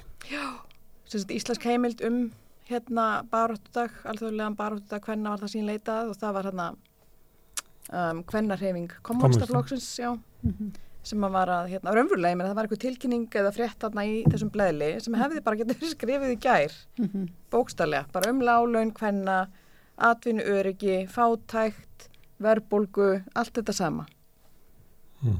þannig að hérna sko að En það öllum er hvenna róttæk kvennabarátta sem Já. að heldur þessum gröfum á lofti en gleymi sér ekki í því að horfa á fyrirmyndundar í kaupöllinni sem er að ringja. Já, það sem er kannski áhugavert er að þú veist, það virðist einhvern veginn ekki tafa lagast. Þrátt fyrir alla þá kvennabaráttu sem hefur verið stunduð eða unnin, að þá virðist við enn vera á sama stað. Og, maður tekur líka eftir því náttúrulega og bara fylgist með alveg frá MeToo fyrir jafnvel, að þú veist, konur eru alltaf að verja sér bara eiginlega svona líkamlega. Þú veist, það fja- fjallar mjög mikið um kynferðisofbeldi, það fjallar um að hafa rétt við einn líkama, fóstureyðingum, það var náttúrulega bundið svolítið þetta með, með, með kynferðisofbildi var náttúrulega bundið í, í verkefliðsbaráttunum líka hjá konunum. Já, ég segi það, en það veist, alltaf en bundið konan- sko, því þegar þú ferð út af vinnumarkaðin þá ert alltaf komin í hættu gagvart, bara, líka með henni er bara komin á eitthvað hættusvæði sko. einmitt búndurinn sem ég ætlaði að hérna, benda á, veist, þannig að þetta er, þú veist, það að vera kona, það er bara eiginlega að vera svona í einhverju, í einhverju gíslingu eða lífsættu. Já, ég meina ef að, þetta er rosalega áhugavert, sko, að hérna, og allir orka kvenna, þú veist, öll þessi kvennabaróta, hún fer þá í það að reyna að verja líkama kvenna, svo sjáum við þannig líka bara svo í Íran og Afganistan í dag og fleiri stöðum, Pandaríkjarum þú veist, og umskurð og svona alls konar viðbjóð sem að konur, hérna, bara hryllingur sem að konur þurfa að þóla að hérna, þessi barátta er stöðug. Þannig að hún virðist ekkert breytast og það er ekki kvennana, það er ekki upp, upp, á þær að sagast, sko. Mm. veist. Svona ö- öryggismálin ættu eiginlega að um þetta ganga út frá þessu, ekki mm á annan hátt eins og kallar vilja kannski frekar að tala um öryggismál, Já, Já, Já, menn, konur sem eru bara að vinnast það. já, til dæmis. já, Mm. Það vantar stáltá og hjálm til þess að mæta þessari Mhm. hvað svo sem það er Mhm. til þess að mæta þessari vá á vinnustu eins og góða konu sögðu við fyrir nokkrum ára síðan sko með launamunni sem var þá í hafu, þú veist, var mikið verið að berast út af launamunni, launamunni kynja þar sagði það bara, þú veist, þið með eigana launamunni þið bara hætti að nauðga okkur. Ha, og það er svolítið til í því. Mhm. þú veist, getum við fyrst, við getum í rauninni ekkert uh, hvað ég segja, gert einhverjar alvöru kröfur eða farið í einhverja dýft í, í stjættabaráti ef við erum alltaf með yfir höfuð okkar sko ofbeldið Mhm. sem er að aukast. Já, einmitt. ha, það Þannig að okkur er haldið, eitthvað já. þannig að konum er haldið uppteknum með þessum hætti, þú veist, vil ég bara meina. Mhm. Þú veist, það er bara stöðut, af hverju breytist þetta ekki, það er ekki vegna þess að, En þetta er náttúrulega kannski, þú veist, þetta, þetta er náttúrulega bara eins og, eins og í stríði, öllu, öllum stríðum, þá er þetta bara einn taktík, sko. Og það er náttúrulega bara stríð gegn konum. já, Þannig já, að ég svo held er að það, sé já. kannski bara málið líka. Mhm. Mm Já, en Já. svo ég menna kalla kemist ekki stríð ef, að, ef að, hérna, við værum ekki heima. Nei, nei, en það Kalla kemist ekki, sko. eða þú veist, forsendunar. Mér er svo áhugavert bara Mm. að hugsa, um- þú hugsaður um þetta þannig, svona Mhm. forsendunar um, sem þú hefur til þess að vera kona í þessu samfélagi, það er alltaf einhvern veginn algjörlega, þú ert alltaf skilgreind út frá köllunum. Mhm. Með, þar með talið, einmitt í stríði, eða hvort að þeir komist til vinnu til þess að búa til hagvöxtin, þú veist, til þess að búa til allar þessar argreislur. Það er af því að það er kona, þessar ósynlegu konur, Já, já. þær eru Mm að, hérna, að búa til fórsenda fyrir því að það sé hægt, Mhm. sko, yfir höfuð. Þannig að hérna, mér þetta alltaf vera einhvern veginn rángur endi á, Þú ert samt að segja að þarna 36 það hafa verið kröfur, já, það Já. var um hærri laun jafnbreytti já, svona Jöfnus. efnahagslegt sjálfstæð, sko, já, að því að ég meina í grunninn þurfa það, þá það hefði engin áraukun ást þar Um, nei, en ég minna þeir náðu einhverjum smá árangri, þú veist, í Austur-Evrópu sín tíma. Þar auðluðust konur efnaðslegt sjálfstæði og þar með auðluðust, þær svona kynferðislegt sjálfstæði.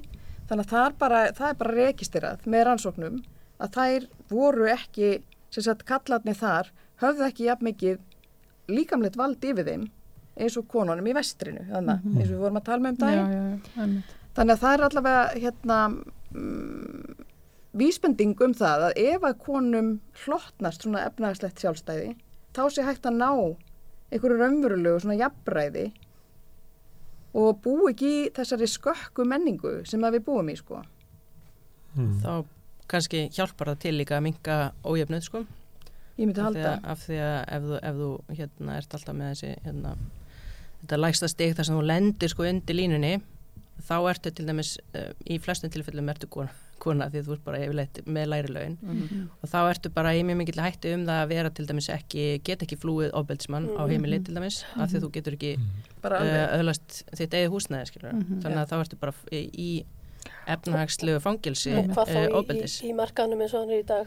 Já, ég segi Bara- það, þess vegna sko, þú veist, það, þá er það kvenna baróta í rauninni að berjast gegn óriðleitinu sem er Já, á húsnæðismarkaði til dæmis. Já. Já, En nú er algjörlega. til dæmis búið að kasta sand í augun, augun okkar með þetta efnagslega sjálfstæði hérna með þessari já.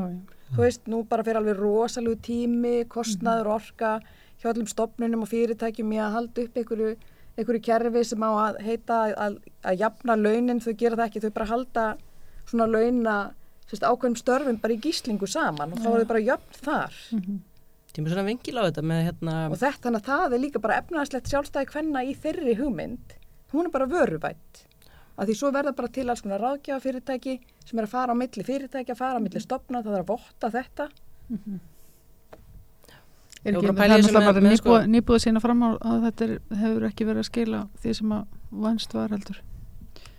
Þannig að hvað sér fyrir ekki það? pælingi mín var sko bara þetta með, af því að uh, feminismin hefur verið svolítið upptekinn af því að, að gera svona hvern stjórnendur Mhm. og, og, og svona yfir konur, eða þú veist. Já, er það- Við verðum að vera með svona, og þetta tala um að það brjóta Fi- glerþakið Já, og Já. hérna en það er svona ákveðin táls í nýjus vegna þess að einhver leiti þá ertu sko ekki að gera af því að þú veist það, það er einhver leiti þú veist þá verða alltaf einhverja konur eftir í þessum típisku konustörfum þú veist og það verða fara kallar kannski bara einhver leiti líka í þau þú veist.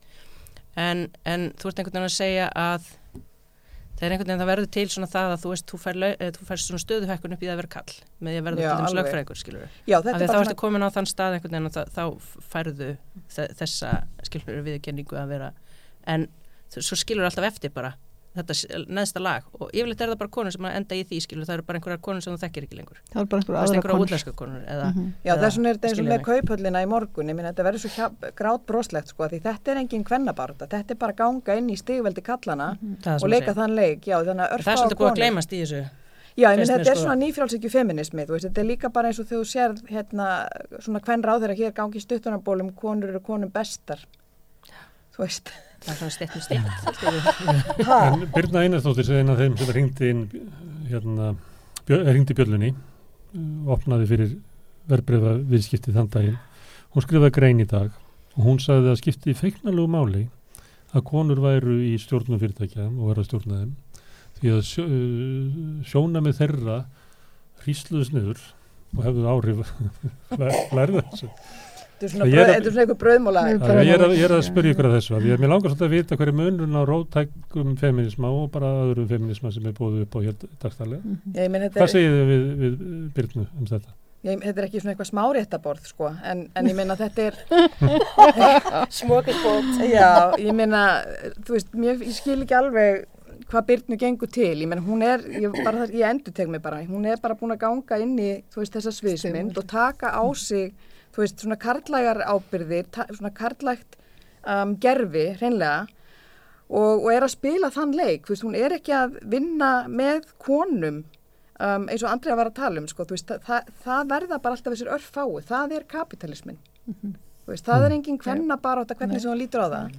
Sko þegar Sheryl Sandberg hérna hjá Google, hún var fyrsti hvern stjórnandi, sérst, yfir stjórnandi hjá Google sem að var bassaðandi. Mhm. Og það var ekki fyrir þá sem að Google fór eitthvað að spá í byttu konur geta, Mm. hérna, fæða, þær fæða börnin. alveg rétt Já, og svo núna er árið þannig í kapitalismannum að þeir borga þeim fyrir að fresta barnegna. já, Þú veist, þú getur raunverulega að fengið eitthvað svona kaup auka, já, þú veist, eitthvað viðbót, bara og býður. Barnfrestun og frí. Já, er Já. ekki líka að það vera að frista ekkin fyrir þig, þú veist, þetta er alveg rosalegt frelsi. Mm. Já, Ég veit ekki hvað að Byrnu var að tala um þetta. En Þið hafnið þessu að, að, að ég hafna þessu. en það hlýtur samt að vera kostur og tvennu illu, þá er betra þessi kona sem er bakastri. Ekki, ekki innan kapitalismans, eins og þær eru klálega, ég meina þær eru, hún er stjórnandi í banka, þær eru allar stjórnendur í svona karlægum fyrirtækjum, þannig að þá er bara ekkert hvenna að gerast. Þannig hún er bara bóðflenna í þessum, Hún degi að er vera hringja sig. boðflenna þegar hún er að ringja þessar, Já. þetta er bara miskilningur, ekki boðflenna, hún er, þetta er bara algjör miskilningur. Þú veist, er hún að ringja þessari bjöllu til þess að bjóða fátakustu konum að, koma til sín og, og, og vera með? Nei,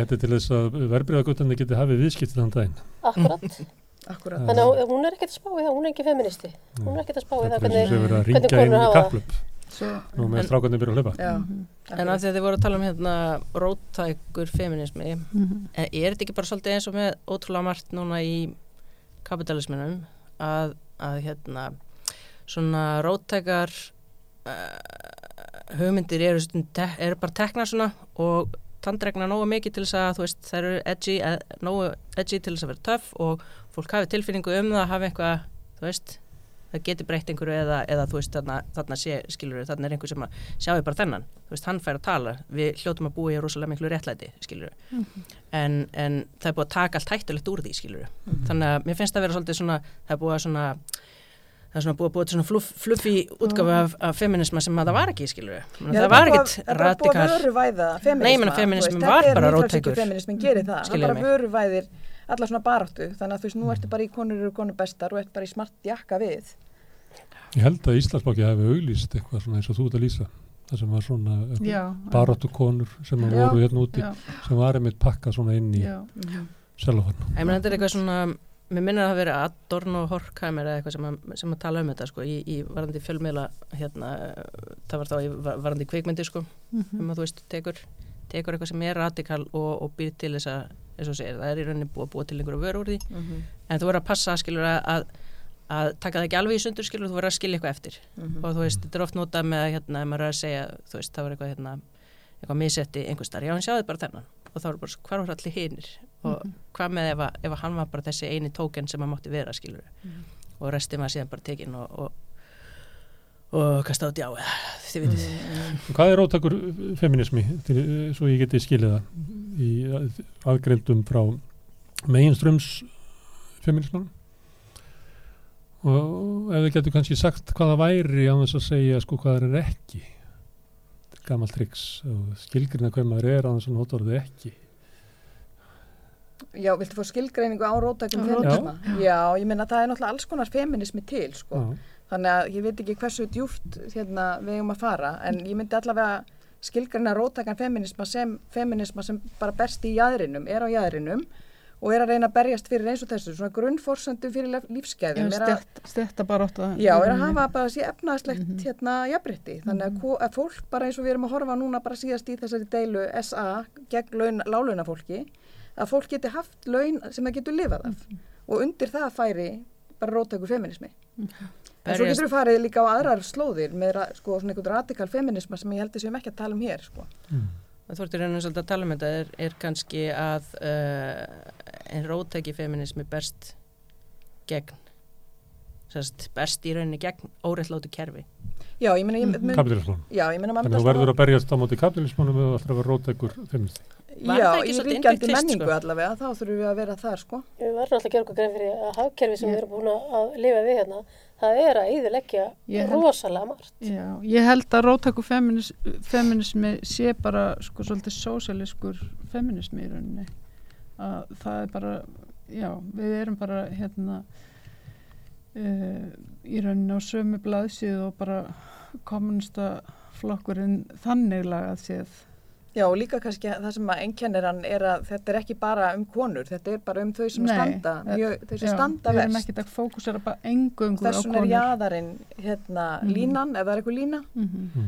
Um, en ég minni í raun eh, getur rótækur feminismi aldrei verið neitt annað en bara bara átt að gegn kapitalisma í Já. þeirri sko, menningu sem við búum í núna. En er það ekki gegn feðraveldinu líka? Ég ætlaði að segja ferveldi, sko. Já. Ég Ég, ég myndi segja kannski Ari var eiginlega að skauta fram að að að sem var kapitalistmin. En Já. róttakur feminista En sko- hljóta að hafa feðraveldi sem en er það ekki kapitalismi? Mér finnst Það eiginlega næstu vera saman hluturinn Kapitalismin er alltaf til dæla ný orðin til. Þannig Já, að mér finnst konur voru ekki frálsa fyrir þann tíma. En Nei, er nei, ekki en ég kapitalismi segi að vera sko- hagkerfi og, og, og Þetta er meira svona samfélagsgerð? Jú, jú, jú, jú, en það sem ég meina er sko að kapitalismin er svo, svo mikið sko hagkerfi karla, Já, já, þú veist, þetta er algjörlega. þannig að, Kapitalismi er farvegur feðraveldisins já, í dag. já, Það er eiginlega það er þannig, eiginlega sko, sko. Einmitt. En er, er- þetta kannski einhver veldi, þú veist það sem þú ert að lýsa er líka bara svona bara þetta gegn sko svona stegveldis hérna setningu, þú veist það er að, að hérna, þú ert alltaf með eitthvað stegveldi, alveg saman hvort það er feðraveldis stegveldi eða hvort það er arð stegveldi, skilur Mm. að þú, þá endar með einhvern í botninum einhvern veginn, Mhm. Þú veist og það, það var, fannst mér alltaf eða svona með við það sem að ég hef svona lesið um, um, um svona upprunalegu hugmyndir feminismans, að það hafi verið skilur aðal óvinnurinn já, stegveldið Mhm. þú veist, og, og í mörgum tilfellum er það náttúrulega sko, er það bara út af eins og þú segir, þú veist, af því hvernig samfélagið okkar er, Mhm. að þá er það, þú veist, feðraveldi eða, eða það er, skilur hérna, kapitalist, hérna, svona kerfi. Mhm. Já, ég sem margar konur náttúrulega finni bara á eigin skinni, burt sér frá einhvern svona fræðilegum skilgreiningum á því hvað feminismi er, sko. Að þá held ég bara að margar konur náttúrulega finni svona fyrir einhverjum feminisma án þess beinleginis að geta kannski um, sko skilgreinda, þú veist, eftir einhverjum fræðilegum um, línum. Um, ekkert ósvipa kannski Það er verða fyrir kúuninni. að þeir verða bara fyrir kúinni en kunna kannski ekki að setja þetta í orð og þetta er ekkert ólíkt því bara alast kúunin sem það verða fyrir var til á undan sko skilgrinningunum. Þannig að það er umlega, þú Mm. Þarft ekki að að skilja, það er það sem ég var að reyna að segja Mm. sko, að ég meina það er alltaf að tala um Greiklandi eins og hérna einhverja siðmenningu me- hérna vestrænan, Og vagga. Vagga vestrana hún er bara heila vaggan, þú veist, þessir patriarkar hana, Já, já. en, en þetta er svo ekkert ósvipað sko og bara kapitalismin sjálfur, ef þú ert svona hérna, þú 80s barn sko, eða svona late 70s barn, Mhm. þá bara var engin stjætt, það voru bara engar áhyggjur, hér er bara, það bara er ekkert að á þessu heimili. heimili. En samt kannski var alltaf, alltaf eitthvað svolítið skrítið og mamma alltaf eitthvað rosalega stressu á leiðin í bankan og alltaf bara eitthvað bíldrusla einhvern veginn í bílastæðinu eða skiljiði og það var en samt ekkert að sko og þetta er ekkert ósvipa kannski að vera kona þetta er svona gaslýsingar ástand sko kapitalismin og færaveldið að því þeir stöðut satt bara það er ekkert að, þetta segja menn séu vondir Sara. Ég er nú bara frekar næskur og, all, og allir já. kallarnir í minni fjölskyldu sko. Mhm. En ef þú myndir flippa sviðsmyndinni sko Mhm. og Gunnar Smári hefði verið kona Mm. og gengið sína leið að þá hefði svo margt gerst fyrir Gunnar Smára á þeirri leið sem þú mynd aldrei eins og geta ímyndaðir Mm. í bara þeirri mynd sem ert núna sko. Já, ekki frekar en ég væri svartur eða Já, ég segi það, en þú veist, það væri bara, það er svo mikið af svona auka reyflingi sem að fylgir, þú veist, í að vera kona, sko. Mm. Og það er bara óþólandi ástand. Og það að konur hafi það betra í dag heldur en í gær, það er bara mýta. Já, Já. Það er hluti af þessari gaslýsingu. Já. Veist, það er hluti af, þetta er gaslýsingar ástand. Algjörlega. Þannig að, Þar fyrir utan sko, skiptir það máli? Þú veist, að að að þú hafur það þó betra, ef- áttu þá að hætta Já. að vilja að hafa það ennþá betra Já. eða Já, þú veist hvernig, Já, já. hvernig, hvernig tengist það skilur ég, ég bara næði ekki alveg Já, bara að vera svo stoltur ekki af að því að vera komin hingað gott og þú átt ekki eða- búið vissum samauðryggi að hafa það jafn gott fjárhagslega og, og kallanir af því að þú það, hefur það samt betra heldur en ammaðin eða hvað skilur já. já, Mhm. Já, þú veist, plís ekki fara þá að gera svona eins og amma en og fara eitthvað að berist fyrir einhverju meira nei, einmitt. Mhm. Ok, en hvað hefur árangurinn ást? Hérna, að því að við erum á, þetta er sögulegu dagur, Mhm. þetta er svona aldar gamalt pluss. Hvað hefur árangurinn ást?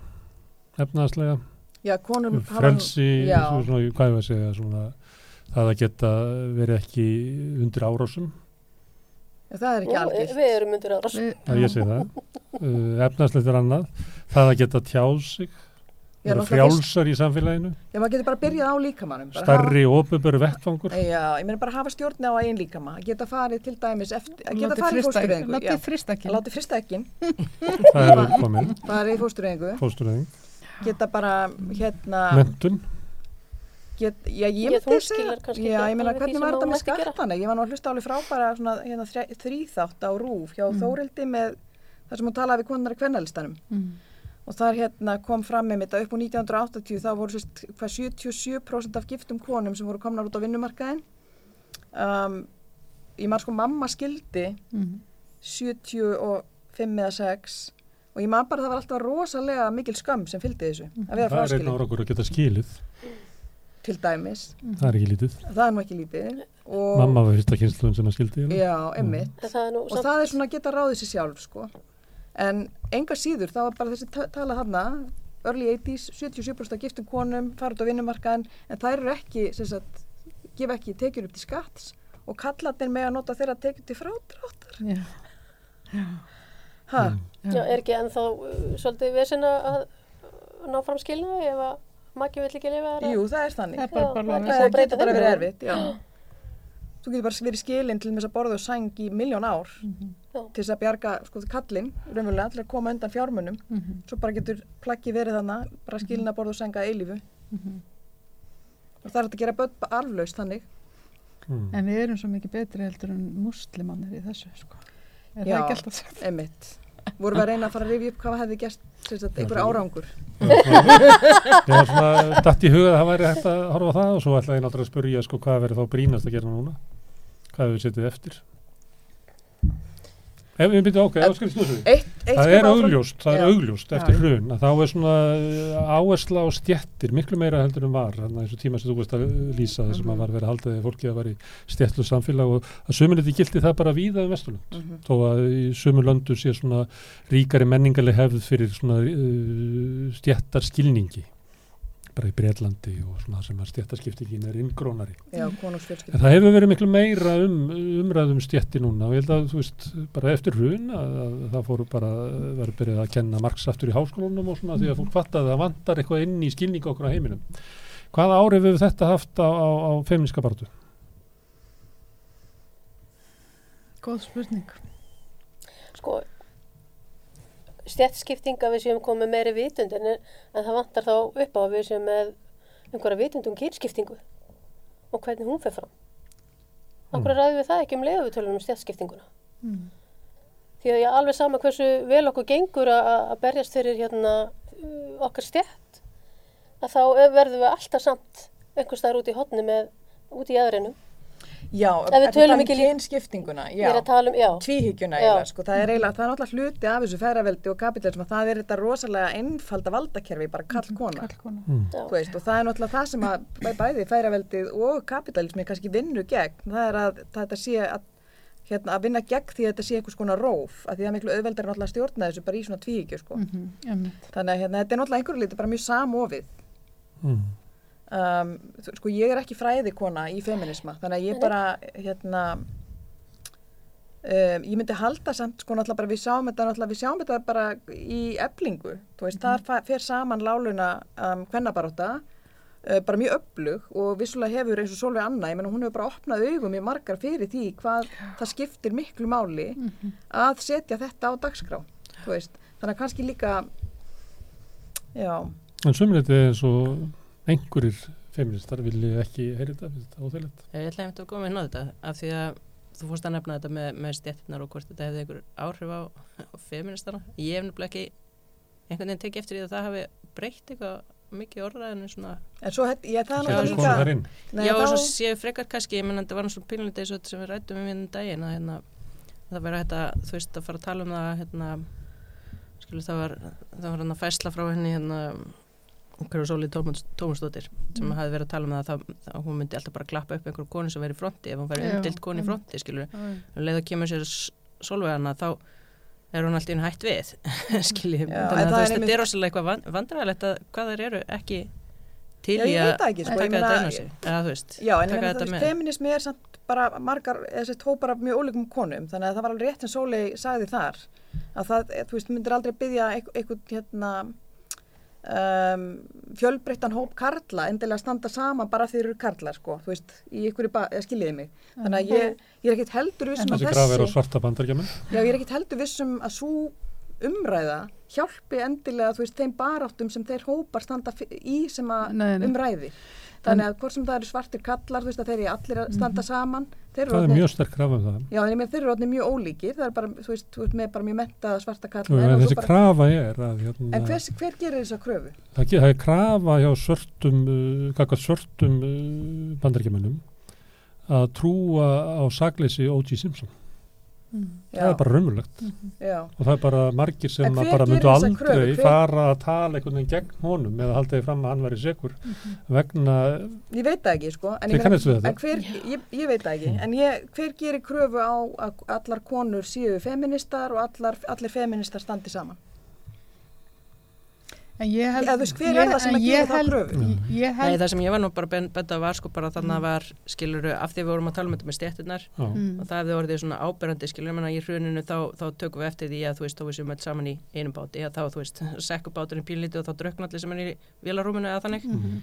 þú veist þá bara, ég menna það hafi ekki skilað sér kannski beilinnis Mhm. og þegar einhver kemur fram, þú veist eins og mér finnst til dæmis með hana Solveigu að hérna ég tek ekki eftir því að það sé svona feminísku stuðningu við hana beilinnis ég, þú veist, Nei, ég ég sé það ekki, frá þessum svona en sko, svona svona og feminist sérstaklega ef þú ert, ef þú ert að tala um skilur þarna var hún að tala um að þú veist hún myndi styðja hérna e, ríkislauruglustjóra þú veist bara út af því hún væri umdelt kona í fronti en hún Mhm, síðan já. ræðist hún skilur á Solveigu fyrir það að vera einhvern Eh, veginn umdelt já, í fronti meina- þú veist skilur hún er búin að ganga bak orða sinna skilur mig. Já, ég, held að þetta sé bara mjög flókið á svona lítill eigu, ég meina það voru persónlega tengslatn alveg klálega, þú veist, sem á allu því að þetta, þessi svar hennar við grein Stefáns Ólafssonar fór eins og hún fór, sko. já. en Andrið þú ert að segja að, að sko, stjættaskipting hefur haft áhrif á samfélagsumræðina eftir hrun. Við Já, sjáum ég það er bara, bara að það, er sakna að tala um það á Devos um að ójöfnuður sé eitthvað sem við höfum að fást við. Það er bara, þetta hefur haft mikil áhrif á samfélagsumræðina hvort sem að það er yfirbórslegt og kapitalismi reyna að pakka því inn til þess að geta ráði við það eins og þú ert að lýsa að gera það Ert að segja það að, að þessi hvað stjættar e, baróttan hefur haft, eða stjættaskipting hefur haft áhrif á almennumröðu að það hef ekki náð inn í feministka umröðu á Íslandi. ég bara, ég veit ekki, ég minnst ekki vera ábyrjandi allavega Nei. Ég, ég var, var samt að segja sko, mér finnst samt orðin miklu meiri uh, meðvitund meðal feminista um það að það sé til mismunandi feminismi. Svo meðvitund fannst mér ekkert vera vola mi mikil hérna bara fyrir nokkrum árum síðan. Mm. eins og það var reitt klúpur. Já, eins og allir feministar ætti að vera sammála. já, og- þetta, ég bara stend með öllum Og konum. það var, já. þegar það var munið líka og þá var, þá var þetta rosalega viðkvæmt líka ef að þú varst, ga- gast ekki kvittað undir eitthvað ákveðið þá gast ekki sagt þú væri feminist þú varst bara jafnbrett sinni munið eftir Mhm, þessar já, umræðu. já. Þannig að hérna, ég held að síðan þá, ég man bara, þú veist, þegar Sanna Magdalena fer inn í borgarstjórnum fyrsta skipti og talar um hvítan millstætt feminisma og heiða heilmi stendur upp og segir bara, það er ekki til neitt sem heitir hvítur feminista millist. Já. Ég held að það myndi engin að feministu voga sér að segja þetta í dag, sko. Ég held að heiða myndi ekki segja þetta í dag. Ekki svona sko. meðvitaður, nei, Ekki- þú veist svona, Nei, einmitt. nei, það held ég ekki. Ég held ekki, sko. Þá þýðir ekki lengur að segja, það þýðir ekki lengur að segja að ég er feministi og voru að segja hvers konar sem feministi. Því það er merkingalust að vera bara feministi. Nei, Nei, Nei, Nei, nei, það er ekki, eiginlega að segja þetta. nei, nei, ég var ekki að segja það. Ég var að segja að það bara, hérna, áherslunar innan feminismans eru mismunandi Já, og þú getur verið, ég meina það geta svo sem alveg kalla sig sko feminista, einhvers konar jafnrétti sinna þessar konur hérna í, í kaupöldinni. kaupöllinni en þær eru ekki að, þær eru ekki að berjast fyrir feminisma eða hafa ekki sagt, sömu svona sínina og við sósílíski feministar til dæmis. Þær eru ekki með, með þessi stjættaklir og Og það eru yfirst þetta Já. feministar og þið eru sósíski feministar. Þannig að hver er þá bara En þær eru ekki yfirstéttar feministar, þær Já. hafa bara gengið inn í sviðsmyndina til þess að leika leikin með körlunum. Það er mest kannski svona áhugaverði spurningar frekar en að vera sortir af feminisman eitthvað. mm Þú veist, það finnst mér eiginlega ekki skila kannski beint neinu í Nei. umræðunni. Það sem er áhugavert að velta fyrir sér er bara einmitt af hverju næst ekki Hvað sagði þarna framkvæmdastjóri saminuð þjóðana, Guterres, var hann ekki að segja verið 300 ár? 300 ár? 300 ár, já. Þú veist, það lengist alltaf bara í þessu. Þannig að ég skil ekki sko kallana megin sem að hafa skrifað lögin, teiknað upp þetta framkvæmdavald og dómsvaldið, mhm. hreinlega bara hannað öll þessi samfélög. Hvað er að frétta með að geta ekki mætt konum Mhm. og öðrum hópum sem eru ekki fjárhagslega sjálfstæði karlar og því meira skilgreiningin á þeim sem að er að dóminera í þessum samfélögum eru fjár- fjárhagslega sjálfstæði karlar sem komast til metorða og komast til valda. Sem græða á veikri stöðu hvernig. sem græða bara á veikri stöðu Þess vegna vilja ekki laga það. Já, þess vegna vilja ekki laga. En ég meina hvað er málið með þú veist, fre, ég skilu, ég myndi miklu fyrir að vilja vera að ræða um, svona e, þessi undirlög, þú veist En er þetta ekki það sem að grunnarinn var sem við vorum að tala um á hann? Þetta er steifveldi sko, þeir græða á steifveldi. Mhm. Þú veist, þannig að ef einn hópur fer eitthvað að svona rífa sig upp úr þessu eða breyta eða, eða gaggrina steifveldið sjálf, Mhm. skilur, En af þá, þá er kapitalismin þeirra í hættu, skilur, og þeirra uh, hérna, Þannig að núna staða, skilur. Mhm. Það er kannski núna þegar það er aðeins farið að brotna svona upp úr kapitalismanum á einhverju ráði, ef þetta er einhver svona síð kapitalismi, að þá mögulega fer að verða til einhver svona meiri hérna stuðningur og þrýstingur á að brjóta niður um, þessi örfá prósent sem að hanga þarna efst og ráða öllu. Mhm. Ég meina, eins og núna, er það ekki það sem að gerist er að ég meina sjá Halla, Það- það- sjá hvað Halli gerði. já, þeir taka upp einhver svona fasisma þessi þetta 0,1% af tóknum Já, til að verja stöðu sína. já alveg, alveg fram í Þá röð. er til allar konunar úr textil vestmiðunum og þramma heim til þeirra og kveiki, kveiki húsinu eða það ekki. Já, já, Já. Uh, Rótækni er hérna, þá eru rótækar aðgerðir. Hvernig er hérna, stendur feminismins í því? Er þrýstingur frá hann? Búið að segja hvað er frétta, akkur er eitthvað breytingar? Mhm. Er, er, er þetta öflug hreyfing hvenna sem að þrýstir á um breytingar? Næ, nærist ekki færaveldið á bugum konum? Er, ekki, er það ekki einhver lína? Jú, en svo gengur þetta náttúrulega alltaf líka í bylgjum, sko. Mm -hmm. Uh, við getum eiginlega sagt að sko þær sem hafa verið núna öflugastar uh, lífan og opeldis og, og, og fleiri þær hafa verið núna í, með bylgju Mm, öfgar og og öfgar, já. eftir. Já. En, en auðvitað, þú veist, það er bara óskup eðlilegt að þreytan komi í ljós og er eitthvað einmitt, niður. já, en svo En- það talaði með, það, tala, það er svona talað um þessum breytingu, þú veist, að frá, frá því að vera í þessu ottaflugi, eins og Mhm. Sóli Tómasar og Hildur. Lillendal og þessar sem tóku flugi bara alltaf og alltaf hérna ennið, að nú eru þær farnar að, þú veist, formast á í að vera svona litlir hópar, eins og líf án ofbeldis og öfgar eru dæmum, þannig að mögulega er þetta einhver svona merki þá um, hlýtur að vera, einhverja breytingu hérna í hvernig konur breðast við. Það er nú enda kannski svolítið fallegt af því að það, þá erum við með svona, svona í staðin fyrir að vera með, með sko, það er svona einstaklingsheikjulegt svolítið þetta, þú veist, þú tek, tekur hérna frontmanneskjuna í staðin fyrir að þú komið með sko, bara svona massa, Já, þú veist já, einmitt. Það að er þú hægt að þú, þú, rótera, slær, sko, þú, þú heggur eitt haus, einn hausin af og það, það er ennþá nokkrir hausar eftir. Svona skilur. lífrætna form. Já, Mhm. Já, svona getur Vaxið. betur og, og Já. já, einmitt, og vaksið Einmitt. Á allt annað hátt Já og þessar svona byltingar sem hafa verið náttúrulega núna síðustu ár eins og MeToo-byltingin og, og beauty tips og allt þetta, þetta er allt svona bara það, það er einhvern veginn gætu alla konu tekið þátt í þessu einhvern hátt. og líka eins og við Já. sjáum í Íran, Mm ég Það er meina, náttúrulega bara- svo reyfing, ég meina, það er Já. bara alltaf Já, á fullu ennþá, og þar eru kallar líka sagt, sem hafa staðið upp á sínt staðið stuðning. upp á sínt stuðning alveg ungi kallmenn. Má og vel eldri. segja, að þessi reyfing, hvenna reyfing, þessi Mm. rótagni, hún er búin að vera í gangi í bara mjög langan tíma. Mm Mhm. Þú veist, þó að við séum ekki alltaf með öskrið -hmm. hátt, sko, að þá er þetta alltaf græmandi búið að vera í langan tíma núna.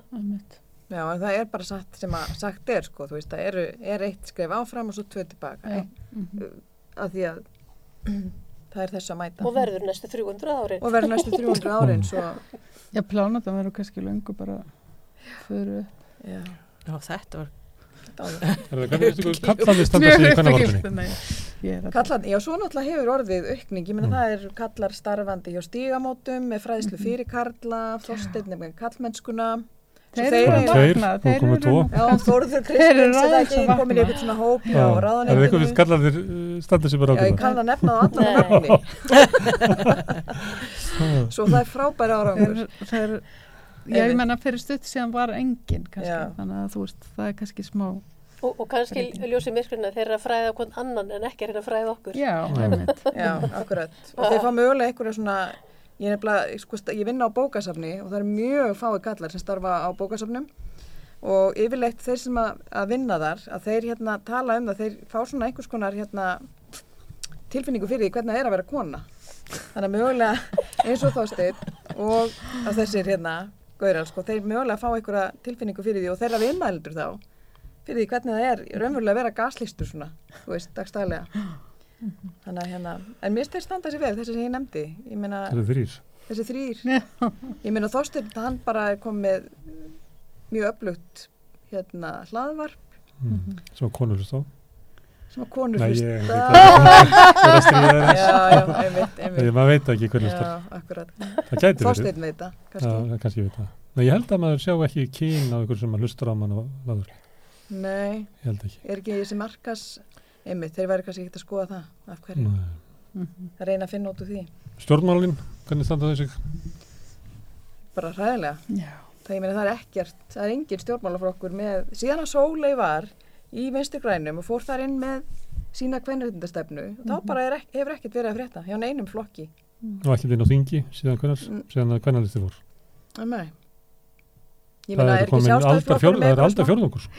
Er ekki bara eitthvað svona kvenna klúppar, þú veist, er eitthvað kvenna klúppur hjá samfélkingunni, kvenna klúppur í sjálfstæðisflokknum, sko, náttúrulega hún náttúrulega fór byrjaði rosalega hún byrjaði með rosa stefnu, stefnu hún, hérna Katrín hún Sólei, nei, ég er að segja Katrín þegar hún tekur við sagt, núna, Já. hún hún var með gera mikla vinn í hún stjórnarraðinu. já, var með mikla vinnustjórnar og hann jafnréttisráðherra. ætlaði að gera rosalega mikið Já, sko. en hérna það er hann að skrifstofa jafnbrettismála Já, sem er reikin, sko. það þið upplýði ekki að séu mikla breytingar í gangi við það að segja jafnbreytisráðandi í fórsættisráðandi. Nei. Mér finnst það allt og allt og allt og lítið það er þetta við, kynræna sjálfstæði já, komið, já, mm, miða við svona stóra fögur orðið í upphafi þá Já. finnst mér það bara ekki hafa gengið eftir en Svandís hefur náttúrulega líka verið kannski öflug, ég meina hann með þungunarofið, mm. en eins og ég segi, þú veist, þetta er allt eitthvað svo mikið svona grundvallar mál sem eru að fara fram og tilbaka, fram, eða ekki vitið, og endur tekið efni og þess vegna setjum við kannski einmitt bara, það er það sem að maður upplifir svolítið og það er náttúrulega þessi bugun í kvennabartin alltaf að þetta er svo mikið endur tekið efni. Mm. Verklingsefingin, þannig um það, bugun, og þá þegar maður er að tala við formenn í hérna, stóru kvenna stjættunum, Mhm. að það er mikil bugun. Mhm. Já, einmitt, sem er ekki er- skrítið, eins og sjúkralegar, Na, bara hvað er, hjúkunar, verðvileg. já, já. Allar þessar kvennastættir í rauninni í helbriðskeranum eru náttúrulega bara já, einmitt, allar þessar konur sem eru sko forsendur fyrir svo miklu öru Já, já. og leikskólakennararnir og þú veist, þetta er allt svona alveg rosalega slítandi störf. En pluss það er sem maður taka heima. skortur á bara, fólk er ekki að fara í, í þetta nám lengur sko. Nei, Já, og nei, líka bara og það er að detta út, sko, þeir sem eru með námi. Já, dett út fyrir Detta út bara fram. önnur, en Já. ég meina það er náttúrulega alltaf líka bara, kannski líka bara kjörunum að kenna, sko. Að, Já, Já, já, er bara því að þessu er haldið neyri, þannig að Einmitt. Eru kjörin slæm vegna þess að baróttan ekki nógu rótak? Já, er hann ekki hérna fyrir trommari hérna, er hann það ekki já? Já. Já. Nei, ekki? Akkur er þá ekki með rótakar í barótta í verkarsreifingunni fyrir utaneflingu uh, til þess að bæta laun hvernig þetta? Af hverju er ekki rótækari, sko, ég meina, Mm. Hvernig þetta eru látt launaðar? já, Að Þar- þú ert- ef þú ert ennþá með feðraveldi sem að eh, hérna, sem er er ennþá undir feðraveldinu sko. Mhm. og fólk er ekkert, þú veist, það vaknar ekkert bara svona 1 og 10 sko. Nei. já, ég meina, af hverju höfum við ekki aðgang að, þú veist, auðlindunum okkar sem tekjustofnum, Mm. Bæði bara í sjávarútvi og annar staðar. og af hverju eru þessi ofuríku ekki að borga meiri skatta til þess að nýta inn í samfélagið ég held sko, ég meina, Já, veit ekki. fjármastekju skatturinn, einmitt.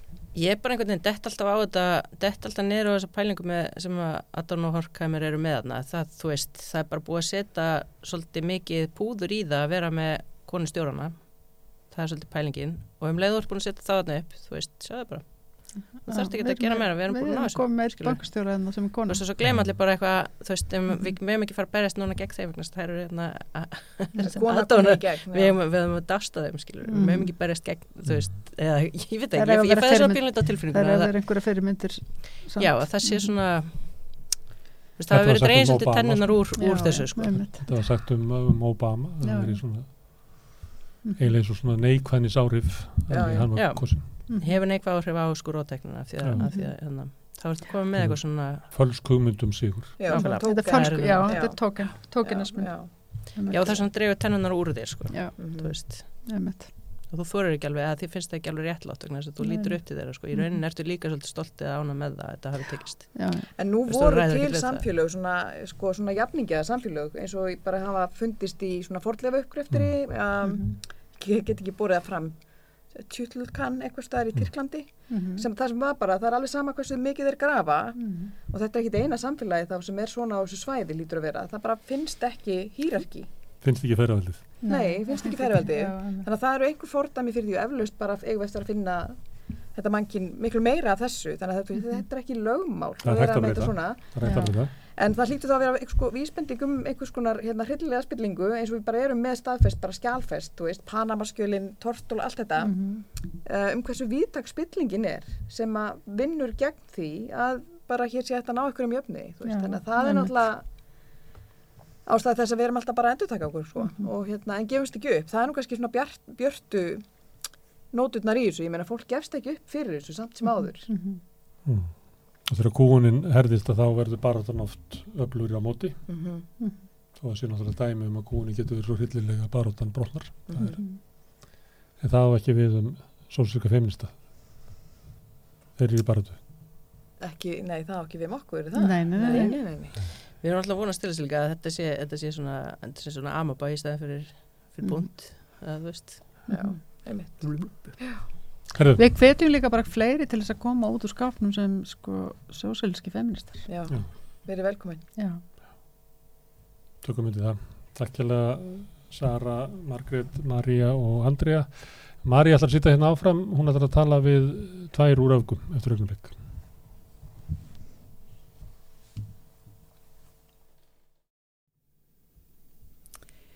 Já, hingað á rauðaborðið eru sestar hjá mér, það er Þórild Gíða Arnarsdóttir og Hulda Hrund Guðrúnar Sigmundsdóttir úr Öfgum. Velkomna stelpur.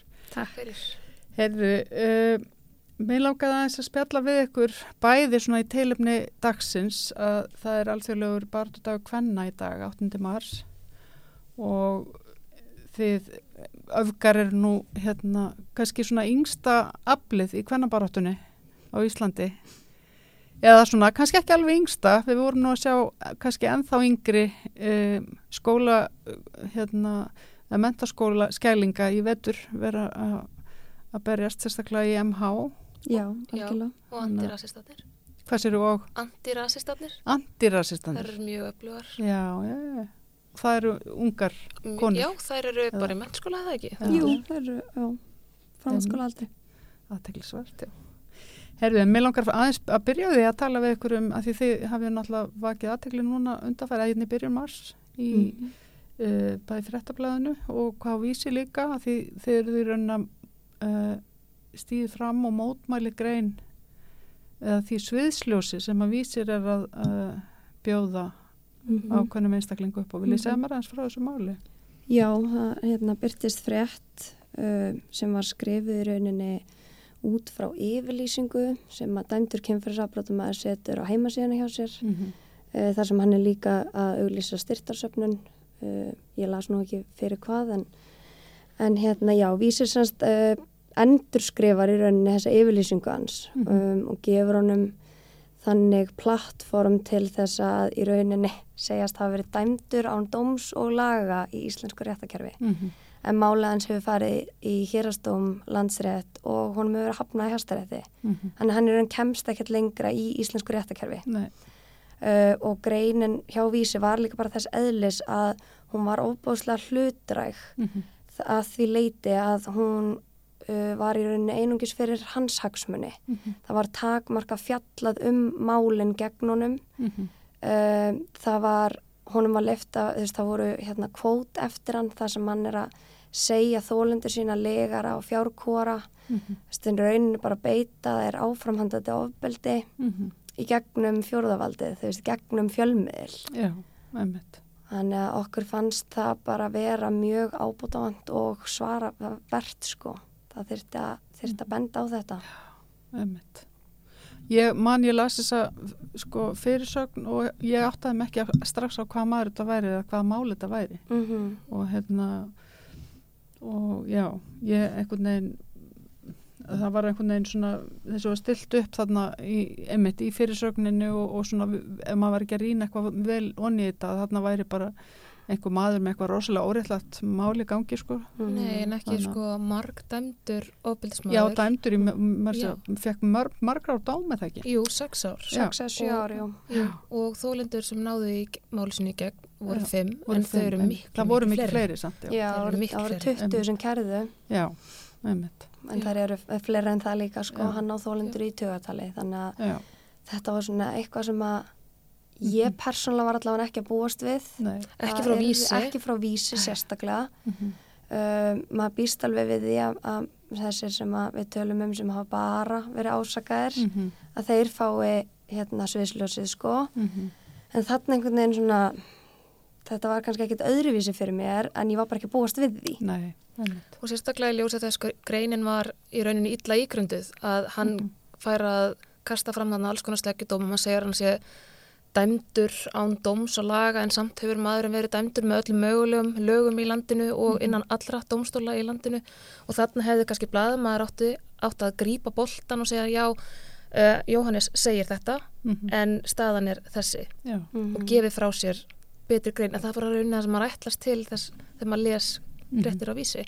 En ég er alls ekki að segja að blaðamaður einn og sér uh, beri ábyrð á greininni. Það er náttúrulega reitstjórn og, fleira. Mhm, sem er sendið út frá sér en þarna er eitthvað varhugavert sem þarf að skoða ákveðni verkfallar sem þarf greinilega að fara -hmm. að breyta Hvernig, sko, þeir breyttu þarna síðan tillinu með það ekki eftir að þið stýrðu fram? Jú, eða? þeir breyta fyrirsögninni Já. og bæta aðeins við umfjöllun Já, Já, um, það sem er svona að farið málans í hérna dóm, fyrir dómi voru Mhm. ítarlega rekin en það er bara ekkert nóg. Nei. þetta var sett þarna út.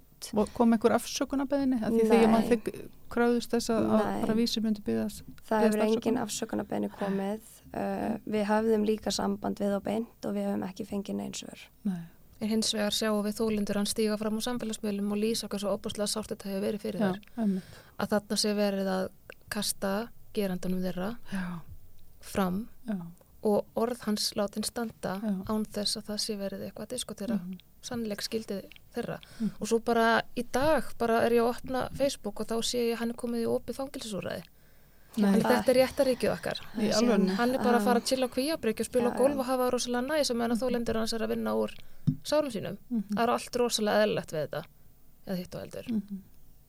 Já, það, ég sá það líka.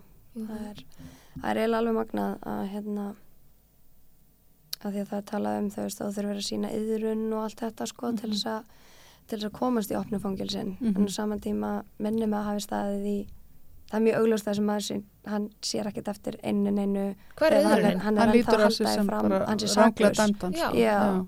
Já. Mhm. og á hann að vinna þá í þessari yðrun á kvíabryggju Mhm. hvernig á þessi einstaklingur rétt á þessu betrunarúræði Já, Mhm. Á, á þessari stundu já, akkurat Já, svona rétt í kjölfarið og Já. ma maður spyrir sér samt hvort að það hafi verið eitthvað sem hafi verið ákveðið áður en að gera þetta það já, Byggilega. það gæti náttúrulega vel verið sko Já, já. en, en ég held að sé hægt að taka svona ákvæmna tilbaka þótt ég geti nú Já. ekki farið með það fyrir vissu sko, Nei. en skorum hérna á það Skoðum líklegt hérna á fangilsmála yfirvöld að að þetta Endurskoða. tilbaka. já, endur skoða þetta allavega endur skoða mynda yðrun þessa Mhm. manns já, Einmitt. En já, hvað finnst ykkur þetta að vera svona sína á einhvern nátt ástandið í samfélaginu í dag um, þegar svona er að gerast í, í einum af stærstu fjölmiðlunum? þetta er náttúrulega bara mjög lýsandi fyrir það hversu rótgróðan hvern fyrirlitning Já. er og gerenda meðverknin En Það við einhverju svona ba baklasi? Erum við að... það er klálega afturför. Mhm, við vorum erum mikið búin að velta þessu fyrir okkur. Við Þórhildur Mhm. síðust tvo daga. Mhm, uh, baklas, ekki baklas vegna þess að sko ef að ég horfi tilbaka mhm. frá því að ég er að alast upp að þá er mál Ólafs biskups í HVM haft. Já. og fréttaflutningurinn var nákvæmlega svo sami og þú lendur upplifa á sig í dag. Þú veist, þú berð saman Óla biskup á KSI-málið og Mhm. mál ákveðins trúpador sem ég ætla ekki svona að gefa það kláta nefnan að nefna akkurat núna Mhm. að þá er umfjöllinin alveg svo sama, við höfum í rauninni ekki dróskast á þessum Mhm. 20 árum en breytingin sem ég upplif og ég tjá, uh, tólka sem bakslag er þessu opnu kommentakerfi Mhm. þar sem að hatus orðræða að fara að ganga lausum bara óáreitt og þau eru með fíntlétur, fjölmjölar eru með ákveði fíntlétur að sé fólk að beita hatus orðræðu að þá verður þau blokkuð. mhm. en En það er höfum- gert Nei, það er búið að hóta að drepa okkur, ég veit ekki hversu ofta Mm. menna og og það er ekkert gert. nei, það stendur enn sko já, Mhm. það er ekki gert. margra, nokkra ára gömul komment sko Þetta er svolítið sérstætt og þetta er svolítið svona mm, sér íslenskt held ég líka vegna þess að sko svona þegar maður er að skoða fjölmjöla í Skandinavíu þá eru þau yfirleitt sko eða það er mjög oft sem að sem að hérna ef það er hægt að, ef það er hægt að kommentera Mhm. þá er það því réttstýrt Já. þannig að en hérna má ekki minnast á réttstýringu þá er maður með hérna að skerða já, tjáningafrelsi. Já, já. tjáningafrelsi Akkurat. Já, akkurat, þetta er fólk skilur ekki munin, á tjáningarfrelsi og hatusórðaði sem bundinu við lög. Mhm. Þannig að Mhm. þetta er, þetta er erfitt að eiga við. Það er í raunin það sem ég upplifi svona það erfiðasta í baráttunni er að okkur finnst við hafa náð ykkurum árangri og okkur, Mhm. okkur, okkur finnst við hafa náð okkurum áfanga Mhm. og svo koma svona bakslög og það sem við erum að upplifa svolítið er að hver sem er getur skrifa hvað sem er um hvert sem er okkar í þessum hóp Mhm. og blaðafólk spyr sig ekkert af hverju er verið að segja þetta, þau hafa ekki samband við okkur og byggja okkur um að að komi en- mótsvar við Mhm. þessu svona eins og erlendir fjölmjöla verða að gera? Já. það er það sem við höfum lært í þeim viðtölum sem við höfum þurft að fara í. Mhm. við CNN eða Guardian eða Athletic eða bara Mhm. þau viðtöl sem við höfum farið í. Og við erum að segja okkar sögu á okkur með einstaklingi þá erum við alltaf látið vita já, nú þurfum við að hafa sambandi þennan einstakling til þess að Mhm. í rauninu afsakið sletti vertifæja það sem að þið er að segja Mhm. eða fá mótsvar við því. Mhm. Já, og gefa tæ þeim tækifæri á að svara. Hér er Svara það svo sannlega Já. ekki Nei, og það er það sem að við upplifum ítrekað Mhm. upp á sigastið. Mhm. Einmitt. Segji mér aðeins hvernig, hvernig hvað hva er hópurinn öfgar búin að starfa lengi? Hvernig kom, kom þetta til? Herru, það var umræða inn á feminískum hóp á Facebook Mm. um að það vantaði í rauninni einhvers konar mótsar við því að Instagram-reikningurinn fáiðar hafði hætt Mm. og það var búið að vera mikil hattusorrað á samfélagsmiðlum og þau inn á þessum hóp voru vonast til þess að einhver myndi grípa boltan Mm. og við vorum nokkur þarna inni sem að vorum til í það verkefni áttum okkur enga veginn hvað við að koma okkur út í og við ákvaðum að velja TikTok af því að þar sáum við helstu hattusorðræðuna verða Mhm. og okkur fannst líka aldurspilið vera svona það sem við þurftum að grípa. Það var 13 ára Mhm. krakkar alveg upp í 25 það er svona Mhm. cirka aldurshóparinn sem við ætlum að tækla. Mhm. Síðan breytist það mjög hratt hvernig starfseminn hefur þróast hjá okkur og í dag erum við löggild félagsamtök Mhm. sem erum að skrifa umsagnir fyrir alþingi, við erum Mhm. að stuðlað þingsálektunar til um lagabreitingum, Mhm. við erum að taka okkur stór verkefni hér og þar og stuðja þólendur og, og í Mhm. rauninni bara sigra heiminn. Hvað eru þið margar? daginn. Hvað eru þið Við erum fimm. Þið eru fimm. Og þið hafið alltaf haldið bara þessum fimmanna hóp.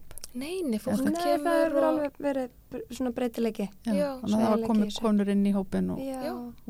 Já. út. Já. Mhm. Mhm. Hvaða, hvaða ár er þetta sem að já, Þið- við erum stopnað, öfgar er stopnað í júni, 14. júni 2021. Já. Mhm. En við örðum löggild aðeins einna. Já, Mhm. við erum félagsamtök aðeins þetta. En þeir eru í rauninni mjög ung félagsamtök ennþá. Já. Og við erum Og mikið, mikið gerst á þessum stuttatíma. rosa mikið gerst Mhm. og við erum ofbáslega hefnar og mér langar svolítið bara að neyta tækifæra og þakka kvennendafélaginu fyrir að taka svona vel utanum okkur. Við erum svolítið svona búin að vera bara litla batnið þeirra síðustu mánu Ok, og við erum bara í skrifstóri með við hliðin á þeim já, frábært. og ef við stundum þurfum aðstóða þá er hún rut okkar alltaf tilbúin að Já. þetta er allt svo nýtt fyrir okkur og, Mhm. já, og þegar þú ert kona þá Mhm. þarf það að gera allt 100% það er ekki rými fyrir okkur til, fyrir að gera mistök Mhm. við þurfum að gera allt 110% Já. Mhm. Það er svona allir, allir að fylgjast með einhvern tíman, einhvern veginn, öllum stundum. Mhm. já, Þannig að, þannig við erum mjög heppin að vera þarna nýri á hallvegastum já. Mhm. Segðu mér aðeins, uh, núna sem sagt, er þessi alþjóðlega kvenréttinda dagur í dag. Við, ef, ef að bara, þið eru náttúrulega svo ungar, munið þið, þú veist, hvað munið þið langt aftur eða hvað hafið þið skoða kvenréttinda bara náttúrulega vel aftur í tíman? nú er kvenréttabaráttan svolítið mér í blóði borin sko. Hérna, langamu mínar voru frumkvölar á sínu sviði. Okay. ein þeirra, hún, Guðrún Jónasson hún var hérna, eina fyrstu uh, bæjarfulltrúum í Reykjavík, hún ætla Reykjavík bara sveitafélag og bara brautir í endur sínu sviði og, og hinn langar minn og Gunnþórun hún stopnaði Reykja, leikfélag Reykjavíkur. Þannig að þetta er svona, ég er alin upp í mjög pólitísku sterkum, sterkum kvenleg. Mm -hmm. þannig að þetta var rosalega bara skýr leið fyrir mig að stíga og svo hérna er ég nú að fara rétt að stíga í kortir í færtugt sko Þannig þannig að þú ert að ekkert baby. ég er ekkert baby sko þetta er allt bara Er ég ekki the baby in the group? Þú- eða? ég held ég syngst. Hvað er, hvað er aldrei spilið hjá okkur? Ég er ára 27 ára. Já. Ég verð- Mm við hefum sama ammælistag, hún verður 27 og ég verð 36 hérna, 20. mass Já. Mhm, þannig að þegar ég er að alast upp að þá er ég að horfa á Ingibörgu Solrúnu mhm, og ég er að horfa á Víktissi Fimboðdóttur mhm, og Sif Freyleisdóttur mhm. og þær og ég er að horfa á þær vera svona sterkar kvennfyrirmyndir og ég er að horfa á Aldísi Skram Mhm. segja frá sinni reynslu og það mótaði bara mig algjörlega það Einmitt. gerir mig bara þeim feminista sem ég er í dag sko. Já. Og svo koma Hildur og svo koma Sólei og, Mhm. Mhm. og þær eru óhrættar við að koma hann á jörðin ef að og þær eru svolítið svona já og það er bara það sem maður þarf sko. Mhm. af því að það sem mér finnst svo gott við feministka barótt og þann hóp sem við erum í er að við erum Mm. alls ekki allar sammála Mhm. við komum úr ólíkum ólíkum stöðum bara í samfélaginu Mhm. við erum mismunandi pólitísku skoðanir, Mhm. trúskoðanir og fleira Mhm. og við rökraðum sko rökraðum hart og innilega Já. og það er það sem þroskar Innan okkur svo mikið Já. Mhm. já, Mhm. að því að annars þroskust við ekki bara Nei. daginn sem að við erum hægt, daginn sem við verðum sammála það er Mhm. dagurinn sem við stöðunum Mhm. Mhm. þannig að og Algjörlega. þess vegna er þetta kannski ekki fyrir að, að vera í, í þessu, þessu umhverfi sem að við erum í en, en Mhm. þannig komist við áfram, það kemst enginn áfram Mhm. á því að vera þægileg Nei. Ekki vera, vera þæg og góð og... En hvernig finnst ykkur eins og núna uh, uh, til dæmis bara kvennast jættirnar og kjara baráttan og annað vera búin að vera eru, er verið að hlusta konur í dag varandi launin og annað Já, ég var farið til það. Þetta er góð spurning. Sko, við tökum náttúrulega bara kjara barátuna sem er tiltöla ný, mm það var bara miðlunar til að hann samþykkt í dag. -hmm. einmitt, það var verið að sam, samþykja þetta Um, mér persónulega fannst ekki verið að hlusta mm um, og mér fannst það sem að samtöku aðtunlýsins gera með verkbannið -hmm. mér fannst það bara svolítið svipa þöggunataktík Mm -hmm. Mm -hmm. Einmitt. þú veist að þú ætlar að fara að refsa 20.000 launa legsta fólkinu Mhm. Fyrir það eitt að berjast fyrir því að fá réttlætanleg laun miklu meiri hluta til konur já í, Mhm. og þær eru mitt í miklu meiri hluta Mhm. konur Mhm. Þannig mér fannst, þú veist, já, ég átti allan mjög erfitt með þegar þetta var, Mhm. í umræðu og, Mhm. og þetta með verkbannið og, og þannig erum við náttúrulega með kallmann í valda miklu stöðu, veist, sem er að beita sér fyrir þessu. Það er kannski svolítið svona einkennandi fyrir Já. hvar við erum Mhm. í dag. Svolítið byrtingamind fæðraveldisins. Rosaleg, Með vel yfir launaðan kallmann og meira en það. Já, Segjandi lálauna fólki hvað það er að gera. Mhm. Og það er ofrekt þegar að best fyrir mannsamandi réttindum. Já, já. mhm, Ekkert nýtt þar. ekkert nýtt þar nei nei, Ég velti einmitt fyrir mér þegar bara f- fyrsti, sérst, fyrri ríkisaksóknarinn í rauninni leggur fram fyrri miðlun til hún mhm, hversu marga kalla hann hafi ráðfært sig við áður en hann sko því hann ráðfæri sig ekkert eða hann talaði í rauninni, vildi ekkert hlusta á, á Sólvu önnu sko. Nei, nei, Þannig, hérna. en svo voru lýsingarnar að því að hann hefði sérst, hafa nú talað við þann og talað við henn mhm, og maður bara svona já, það er allt sem hann kallar um einmitt, já, Mhm. Þar er bara, kallin vestir, Þórildur, skiða. Já, við náttúrulega búum í feðraveldi samfélagi, eru farin á það. Segi ég gríni. En Mm. já, þetta er mjög, þetta er, þetta er skýr byrtingamind. Já, einmitt. einmitt. Já, var viðtal við hana steinunni fráfarandi e, talskonu e, stígamóta Mhm. um daginn í einhverjum meðlunum. Þar var hún einmitt að fara yfir svolítið svona me too og, og, og þessi, svona síðustu áratví Mhm. og, og hún var einmitt að tala um að henni finnst svona, já, vera ákveði baklas í gangi Mhm. það er einhver, einhver afturför eftir að hún talaði um svona eftir að hérna uh, farið var nafngræna Mhm. um, Já, kallmenn Já, þá náttúrulega kom ákveðin mótspilna. já, Þú Veist, þetta var búið að vera svona valdeblandi fyrir konur, Mhm. að segja frá sinni reynslu og þær voru svona held ég mest megnis að fá að gera það bara í friði, Mhm. þú veist, bara á hvort að var þeirra samfélagsmiðlum eða að fara í fjölmjöla viðtöl, en Mhm. jú, síðan náttúrulega er einhver nafngrindur Mhm. og þá er verið að veiga að hans lífsviðuræfi eða hvað sem að kallast Já, og, og, við þá er, Suðureyri. og þá svona einhvern veginn kemur svona öðruvísi mótspilna kannski en við vorum að sjá áður Mhm. veist, það sem að þeir svara fyrir sig Mhm. og þá fyrst held ég við höfum fengið að sjá meðvirkning í samfélaginu að því gífulega að- hannúð. já, að því það hoppuðu það hoppa alltaf flestir á vagn geranda já Mhm. þú veist, við, það er svona það sem að ég mér, ég upplifa allavega þú veist, Það er rosalegt að sjá uh, fólk hrópa á einstakling sem að á 32 þúlendur sem hafa stigið fram. Mhm.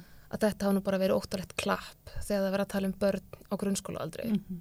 Einmitt, Að hannúðin sé það sterk að því einhver er svo góður að taka vinnukonugripin og góði vinnugiki einmitt. að, að það sé ekki hægt að trúa þólendum og hvað þá börnum, af því að fólk hrópar sí og æ, hvað með börnin, verndum börnin, hér er við Mhm. að reyna að gera það og, og okkar, okkar nýjasta skrefi því er að hækka samræðisaldurinn Mhm.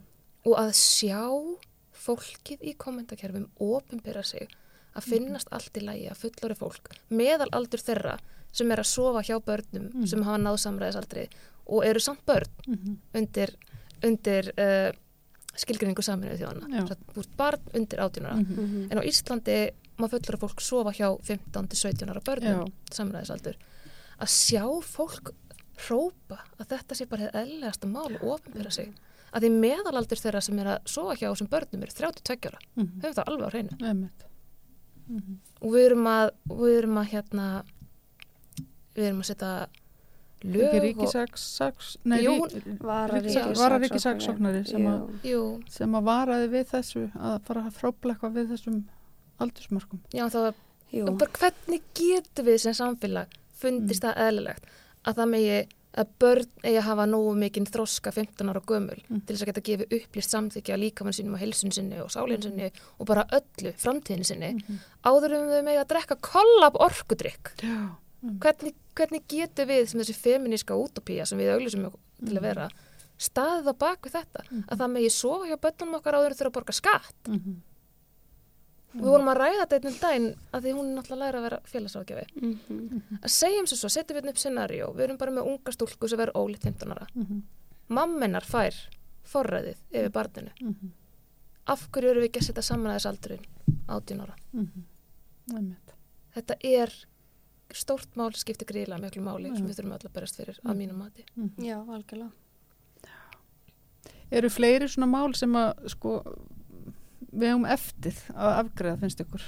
Annað en bara launamunni kynjana og svona þetta klassiska þetta er til dæmis svona umræð sem að maður hefur ekki heyrt mikið. Mm er eitthvað svona sem þið munið eftir sem er Sko, við náttúrulega erum ekki en, ennþá farin að hlusta á þólendur. nei, Það það er engin lög yfir sem að banna það að grúma börn á Íslandi. Nei. Það er náttúrulega vissulega tælingarlöggjöf. Mm mm. sem En- er ekki nógu góð. sem er ekki nógu góð. Mhm. Og það að heimurinn okkar er allt öðruvísi heldur en þegar lögin voru skrifuð Mhm. að það stendur til þessi lögunum að það megi ekki sína börnum klámblöð Mhm, undir mhm. 18 ára það er engin hver er með klámblöð í dag Mhm. en núna er þetta svo er mikið að fara netið nú er þetta svona netu, nú er þetta bara símin því raunin eru alltaf bara með tölvu í lóan Já. og það vantar þarna löggjöf sem að Mhm. bannar það að það sé verið að grúma börn, það vantar ísnest orðið við grúming, Mhm. það er alveg til Já. að það kæmi þarna inn, það er mist leiðilegt að sletta Mhm. en að það sé eitthvað löggjöf sem verndi það að, Mhm. að það sé að í rauninni er gerandin að komin inn á heimilið. Mhm. það komin gerandi inn í herbyggi bastistins Mhm. og það er í rauninni engin lög sem grípa þetta Náttúrulega sko, löggjöfin er náttúrulega hönnuð af. Mhm. Fyrir það sést og fyrir karla. Mhm. Þú Veist, konur fengu ekki sjálfsákanur eftir eini líka með fyrir 2019. Mhm. mm Fyrir það þurfti umsóknarreiðublað til að fara í þungunarof. Einmitt. Þú Veist, þannig að við erum að skrýða áfram Mhm. en mér finnst við fara ofbóðslega hægt. Við erum að fara það svona er- hænuskref Já, Svo erum við að fatta kannski alltaf líka að, að það er einmitt einhverja svona leifar af hinn og þessu sem að það er að laga líka nefnilega Mhm. og, og þetta er svo mörg skref sem að við Mhm. þyrftum náttúrulega að taka til þess að breyta þessu Mhm. ef, en það verður miklu auðveldar náttúrulega bara að setja inn nýja stjórnarskrá samþykja nýja stjórnarskrána Já. já. það væri svo margkvælt myndi- fyrir okkur af því við erum með, einfalda. við erum eitthvað að notast ykkur á stjórnarskrá sem er samin undir dönum Mhm. á köllum, fyrir kalla hendar ekkert fyrir okkur nútíma samfélag þjóðin er búin að kjósa um þetta, hvað er þetta Mhm. Mhm. þannig að Þannig að þeir eru líka stjórnaskrá sinnar ég Já, já, ég líka persónulega, við getum ekki tala fyrir hópin kannski, Nei, en, en talað fyrir hópinn. já, ég, ég er það líka og, Mhm. Og mér finnst bara ofbúðslega sorglegt hvað við förum hægt í allar lagabreitingar, Mhm. þú veist, uh, og síðan erum við náttúrulega að fara að sjá lög sem að vonandi, vonandi, vonandi verða ekki lög, en, en að öllum líkindum útlendingafrömmarpið, þú veist, Mhm. það náttúrulega er svakalegt bakslag Mhm. Já. ef að það verður. Þú veist, þannig maður, bara í, í, í mannréttinda það bara bara í útlendingamálum já, það í- fer, það fer bara gegn Mhm. mannréttinda sáttmála sáttmálum, já, já. skiluru og barnasáttmálanum Já. og það fer gegn alls konar öðru sem við erum búin að segjast ætla að vera með Mhm. sem lög Já. Já. Hvernig getum við verið að samþykja lög sem fara gegn öðrum lögum ég, ég er ekki alveg átt að má Nei, þessu svona alþjóð, alþjóðlögum sem Já. að skuldbundu Skuldbundin, já. já, Absolutt. samningum Já, Mhm. þannig það eru klárlega ímis konar bakslög Mhm. að eiga sér stað ekkert bara í hvernig þetta baráttunni Mhm. um, og ég einhvern veginn, já, mjög erfitt með að greina þú veist hvað það er Mhm. en ég hugsa að sé bara þú veist, þessi rótgróna íhaldsemi Mhm. já, þú veist, sem er bara að skína sitt skærasta Mhm. sem mótspilna við því að við erum bara að reyna að fá að lifi sátt á samlendi Mm. þú veist og, og fjölbreytileikanum og öllu skiluru en það, það er er- einhvern veginn rótgróin í sem að bara gera það að verkum að, að bakslægin, bakslægin eru mörg Mhm. og þau eru stór en þá kannski fyrir við að viðkjanna við búum í feröld samfélagi Er Ísland ekki þessi útopía?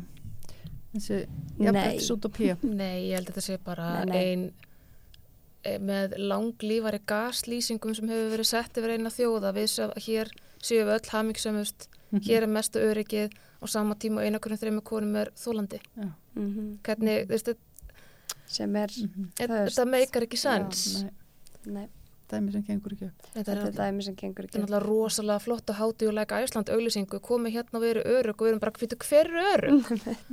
Ekki er ég örug, ég er, er ekki upplegað með örug og hvað þá með þessu komentekar er gangandi? Mhm. já, og svo bara réttakerfi sem virkar ekki Mm Mhm. Og fangelsi stofnanir sem að senda bara fólk á guðjabryggju eftir að þá, já, þetta er, við eigum langt í land Við eigum Það klárlega. er langt í land. við eigum langt í land Mhm. en það segir framkvæmdastjóri, er ekki framkvæmdastjóri saminuð þjóna jú, sagði 300 ár Mhm. og það lengist bara, já, við erum ekki að styttast, þetta lengist bara og lengist og lengist. Einmitt. mhm. Mhm. 300 ár í afbreytti Einmitt. Og mér langar líka helst að nefna það þótt að við séum að upplifa bakslag í okkar hverjendabaráttu. Mhm. að þá er það ekkert í samanbörði við bakslæði sem að hins eginn samfélagið er að upplifa og samfélag transfólks Mhm. og til þess að hverjir þetta bara þetta nái lengra Mhm. þá þurfum við að taka þátt í baráttu transfólks og transréttindi Mhm. eru hverjirtindi Einmitt. Mhm. og þetta er bara mengi sem fer saman í öllu Nú hefur verið að koma, koma fram í rannsóknum með mitt að það hefur verið svona uh, í varandi hatursorðræðu að hún hefur verið meiri gagvart transfólki og aðeins Já. minni gagvart lituðum í staðinn eða eitthvað svona. Mm. Þannig að hérna, það var held ég Já. fyrir sko tveimur árum sko þá var það meira gagvart sem sagt fólki af öðrum kynstandi Mhm. en núna er það að færast yfir í trans fólk. Mhm. það er bara á pari við það sem að úlingarnir eru að segja sjálf og það er verið að Já. gelta þau og, Já. Mhm. og þrátt fyrir að við byrjum á TikTok Mm. þá held ég að sá miðill stuðli að hattusorraðu og þessu bakslægi vegna þess að hver sem er getur sett út hvað sem er, hvena sem er, klift hvað sem er Mhm. undir leinireikningi, ó, leinireikningurinn blokkar, já, opna þá bara annan og svona bara rúlar þetta og það er rúlar líka, þetta og það rúlar er líka ofbúðslega lítil reytskoðun á TikTok Já, Mm. um, Er þið ennþá aðalega þar eða nei, Eða við er- erum held í minnst þar Já. núna. minnst þar Já. Þú er búin að færa ykkur svolítið Já, við, ég held að við getum satt við séum mest á Twitter það? Já. vorum að búa til Facebook síðu líka Mhm. sem að byrja að vera þar Með gamla fólkinu? Nei. þú veist að við viljum auðvitað ná til sem flestra Já. Já. en þá er ekki hægt að, að Mhm. skuldbinda sér bara við einn samfélagsmiðl Svo er margir, kom- margir bara á Instagram orðið núna. Já, Það eru svolítið flókin. við, erum, við erum þar líka en, en við reynum að vera á flestum stöðum og Mhm. setja út á alla miðla og svona. Mhm.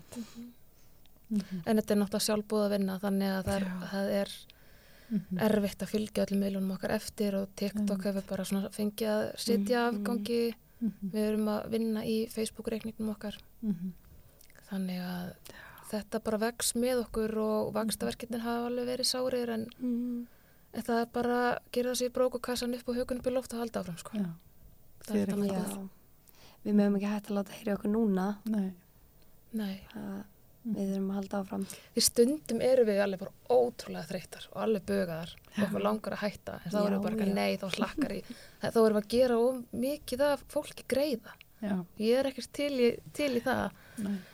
þannig að það er bara stappið sér stálun að halda áfram En haldið þið að þessi ekkit, er ekkit að breytast svona með yng, svona yngri kynnslóðunar?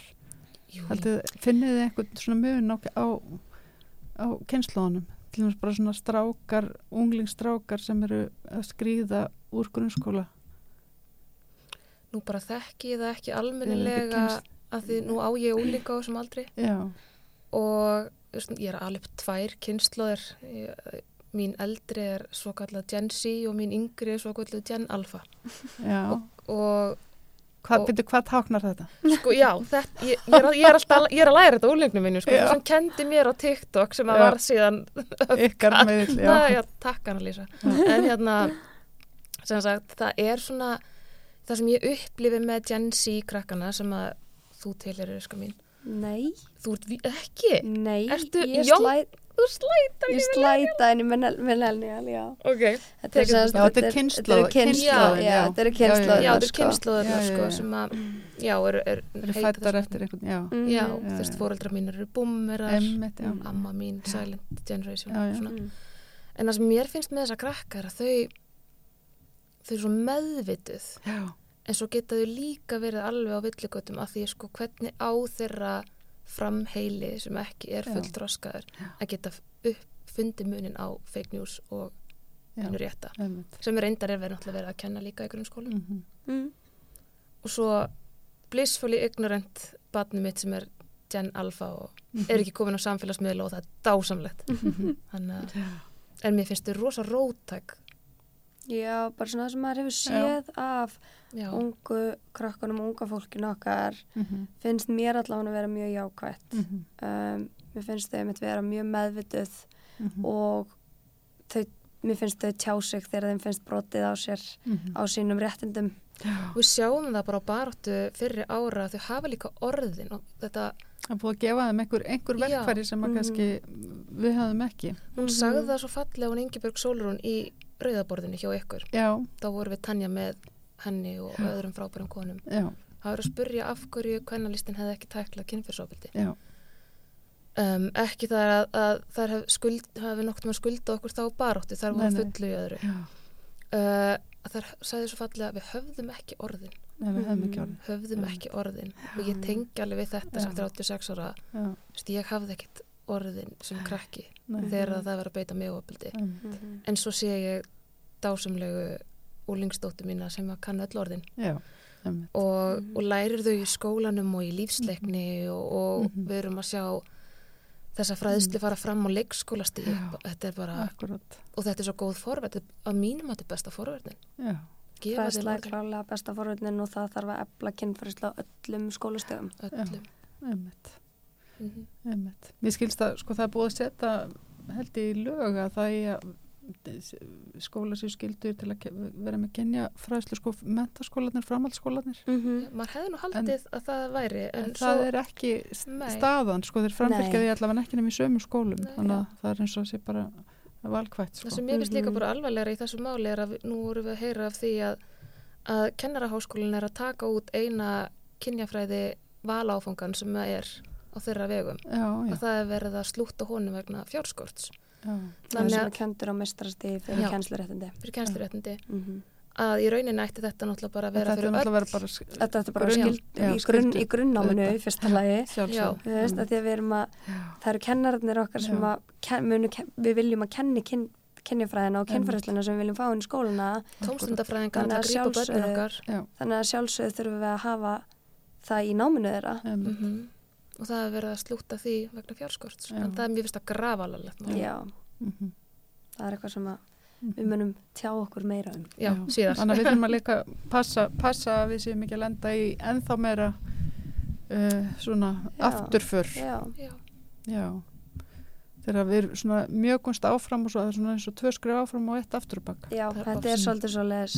það er ofsalega, ofsalega mikið þannig Mm -hmm. og það er líka það sem ég upplifa svo mikið að, að það er, er fólk sem hefur áhrif í samfélaginu Mhm. sem er að fara í viðtöl og hinn á þessum útarstöðum nefna engin útarpsaga og er að koma með alls konar skoðanir sem að eru borðna fram sem heimildir og sannan sannleik sem er, al, sem er bara algjörlega rökum reist án, án þess að vera rökum reist Já, og það er baróttunni svo skadalegt Já. og það er líka svo erfitt að leiðrétta já. það er svo Mm. erfitt og það tekur svo mikla orku sem félagasamtök sem eru non-profit og eru algjörlega í að Mhm. við myndum ekki gera neitt annað heldur en að elda hvað Brynja Níelsson segir allan daginn Einmitt, einmitt.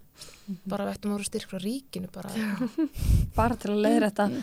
allt sem hann segir og hans að því að hann heldur að skoðanir sína séu heimildir. Mhm. En það er í rauninu bara skoðanir. Mhm. sem allir eiga rétt á eins og pappi minn segir En við þurfum samt ekki bara virðingu fyrir öllum skoðanum. Ég segi Nei. það líka alltaf.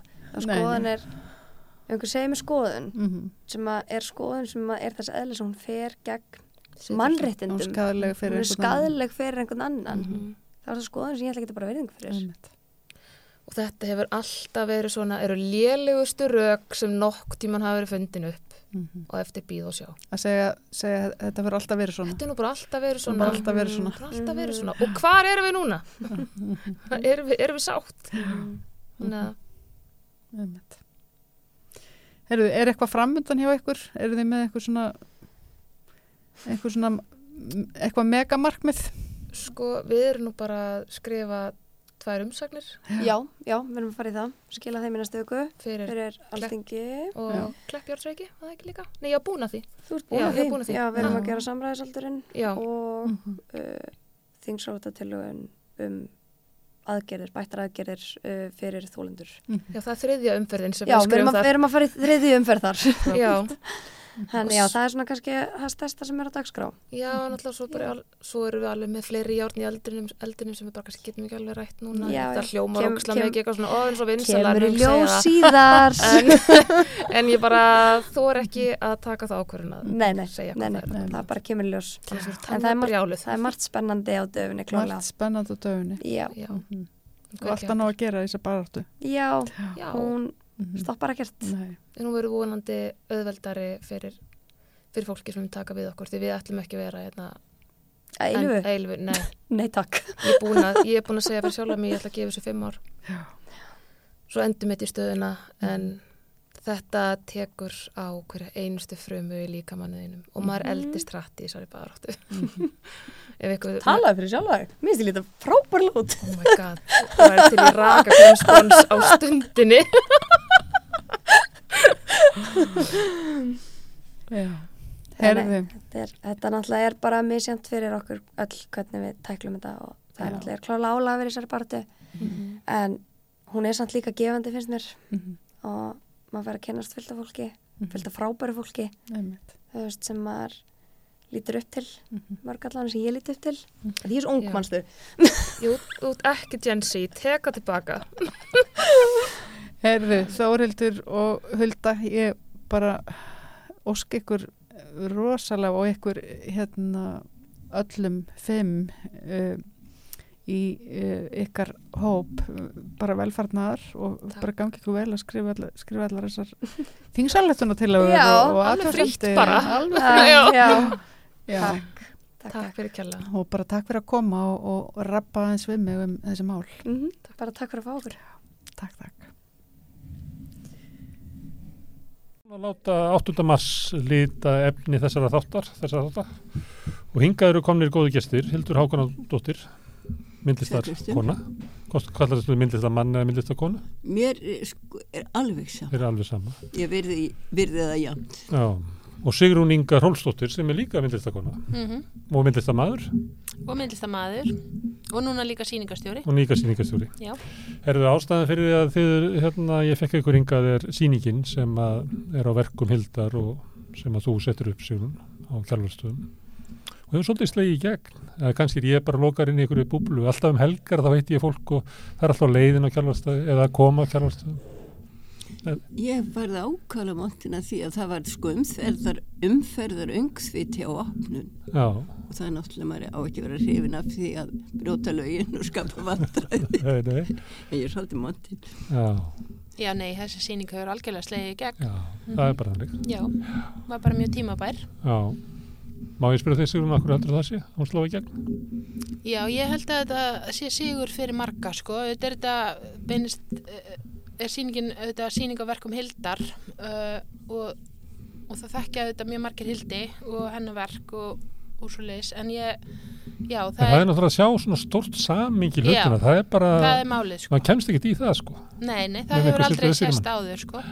og hún er búin að vinna að vinna á mörgum sviðum og þekki marga í mörgum ólíkum hópum og, og, og það er svo gott fyrir fólk að fá að sjá svona heldar heldar myndina og hvernig þetta talar allt saman saman sko. Mm. þó svo að eitthvað sé gert í innan samhengi náttúruverndar eða myndlistar eða rit, e, á rithundarsviðinu eða Já. það sem að hún var að gera líka bara í þetta rauðsokkum og zoom og öllu þetta, það er svo gott að sjá þetta í, í held sko. En hvernig finnst þér það Hildur að lappa inn í æfistarfið þitt? Ég, ég er eiginlega ennþá sko að læra um eigin æfi Já, og þetta verður til þess að maður rifjar ýmislegt upp. Já. sem að maður hafði sett hann í skuffu og ég, já, svo ég fer líka að byggja upp svona mitt eigið samhengi. En venjan er náttúrulega að þú býður hann til listamanninni döður þess að fjalla svona um er svo miklu þægilegra þá. Já. og það er ekki alltaf að þú færð svona lífa þetta sjálfur þegar maður renni fullu fjöri Þess vegna er ég að spyrja hvernig þetta er að þið er ekki að spyrja vofurnar sem að koma á, á síningum Jú, nei, þetta er óskaplega gaman og, og mikil heiður fyrir mig Mm. Við tölum hérna við rauðaborðið mest um pólitík og samfélagsmál en stundum aðeins um list. En það, það er eitt uh, verk, kannski á að setja gæsilegbir á það á síningunni sem að hefur komið til tals hérna við rauðaborðið. Það er þegar ég hef verið að tala við rauðsokkur og reyndar svona alveg inn í kvennalistan sem er að tala um uh, hvernig þessar reyninga voru byggðar upp og þá er vitna til Við minnum nú einhver að við sagt þetta að vera næstu eins og bara skissa sem að, að þú hefði lagt fram um hvernig, annars vegar hvernig hlutin þetta ekki að vera og hvernig réttu síðan að vera. Þannig að píramíti og þetta er á, þetta er á síningunni. Er þetta myndlist til þurr? Já, það kom mér skemmtilega á óvart að Sigrún tólkaði þessu myndlist. Þetta eru bara tekningar af stöðnuðu pyramítaformi og svo lífrænu formi ah. og þegar ég fór að velta þessu fyrir mér eins og öðru sko svo þú spurði þegar ég er að gera það upp mína eina æfi þá fór það að renna upp fyrir mér líklega af hverju þetta var svo áhrifaríkt mm. vegna þess að ég, þegar ég kem verðum að fara aftur á árið 1970 og þá er ég búin að vera í Ameríku mm. og um, hafði aldrei eins og stíði fæti sko meginland Evrópu og ef við erum að tala um hvað ég var að segja stjættar átök eða eitthvað neginn þannig þá er þetta strax svona runnið inn í kaldastríðið hérna heima mm. en ég kom úr allt öðru umhverfi og hafði sattast að segja aldrei þó að við allir værum þarna að keppast við að við vildum fá jöfnuð mm. við vildum fá tækifæri og við vildum láta við vildum sjást en uh, ég sá einhvern veginn þegar ég kom heim frá Ameríkum Varst ekki að koma frá hvað, San Francisco eða Kaliforníu? Uh, ég, nei, ég bjó Östuströndin í Ameríku í sjö ár Í New York fylki. Í New York fylki, þar sem heitur Upstate New York. Ég spyr svona því að í einhverja sögunum að því að ég held að það hafi verið þrjár konu sem hafi sagt þetta frá þessu, hvernig, hérna, frá þessari teikningu sem að reyningi byggði á. Það var einhver sem sagði að þú hefði komið með þetta frá San Francisco. Það kemur sveitinsögun, ja, ég, ég byrja allir, þú, þú er að það. Já, ég endra svo. Sko þegar ég kem til Ameríku 1926 og svo er ég í sjö ár og þau, ég sé þá einmitt núna sko að það sem var svo spennandi við þennan tíma þannig að eiga sér stað þessi gerjun sem að endaði svo í 68-byltingunni og um, þó að þetta var smábær þar sem að í raun og veri ekkert var að stíða þá er ekki eins og kaffihúsið bæ. Þó en hétti þessu merkilegu nafni, stóra nafni Trója. En áhrifin sem að við komum sérna að þau komið frá Kaliforni en það sem kom mér svo undarlega fyrir sjónir þegar ég kjent þannig til Ameríku er það hvað McCarthyismi var still en var ennþá sko sterkur. Og strákvæðin töluðu um þetta og, og þetta Hudson Dalurinn þar sem að borgin er hún er þar sem að Mohawk mætir Hudson. Þannig voru nú stærstu fangelsin þá.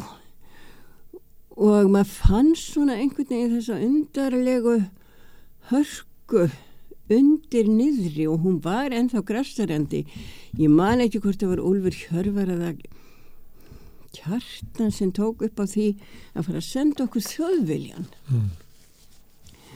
og um, það gekk og við fengum hann það var svolítið gaman náttúrulega að fá blöða heimann en jábel þarna og þetta hefur verið svona 60 og, nei 58 kannski mm. þá fór að koma bara rifrildu utan af blöðunum. Mm. og þetta endar með því að jú, það kemur yfirildi utan að blöðunum og bæklingur innan í þar saman vafinn um það hvernig eigi að gera við brotin bein. Nú, og þá fund, held ég að við höfum skrifað heim og sagt að við skulum róa þetta niður, ég held að það sé ekki alveg óhætt. Aftakka fleiri þjóðvila. og um, en sjáðu, ég kem þarna heim ég var úrskaplega einangru þarna þó að samfélagi væri svona výbyrjarandi allt saman. En það gerir það verkum líka að þú tekur kannski meira eftir þú ert ekki þáttakandi þú ert bara að horfa á þetta. Og, og maður er ungur og hugurinn er svo óskaplega opinn fyrir öllum áhrifum og ég var svo ofur næm á ímis form sérstaklega. Og eins og því ég kem heim hvað þessi félagsform eru sterk og hvernig þau myndast. Og um, ég bjóð til þarna bara í einhvern veginn, ég bara sá þetta. Ég, ég, ég sá form, ég haf alltaf verið sæmilega góð í starffræði og gaman rúmfræði og mér var svo ljóst hvernig þetta þéttast þéttist saman og gerir þarna svona svolítið áhlaup með þessar, þessum hugmyndum. Og þarna náttúrulega stóð ég óskaplega vel að víi því að það var ég, ég vissi auðvitað hver, hver Marx var.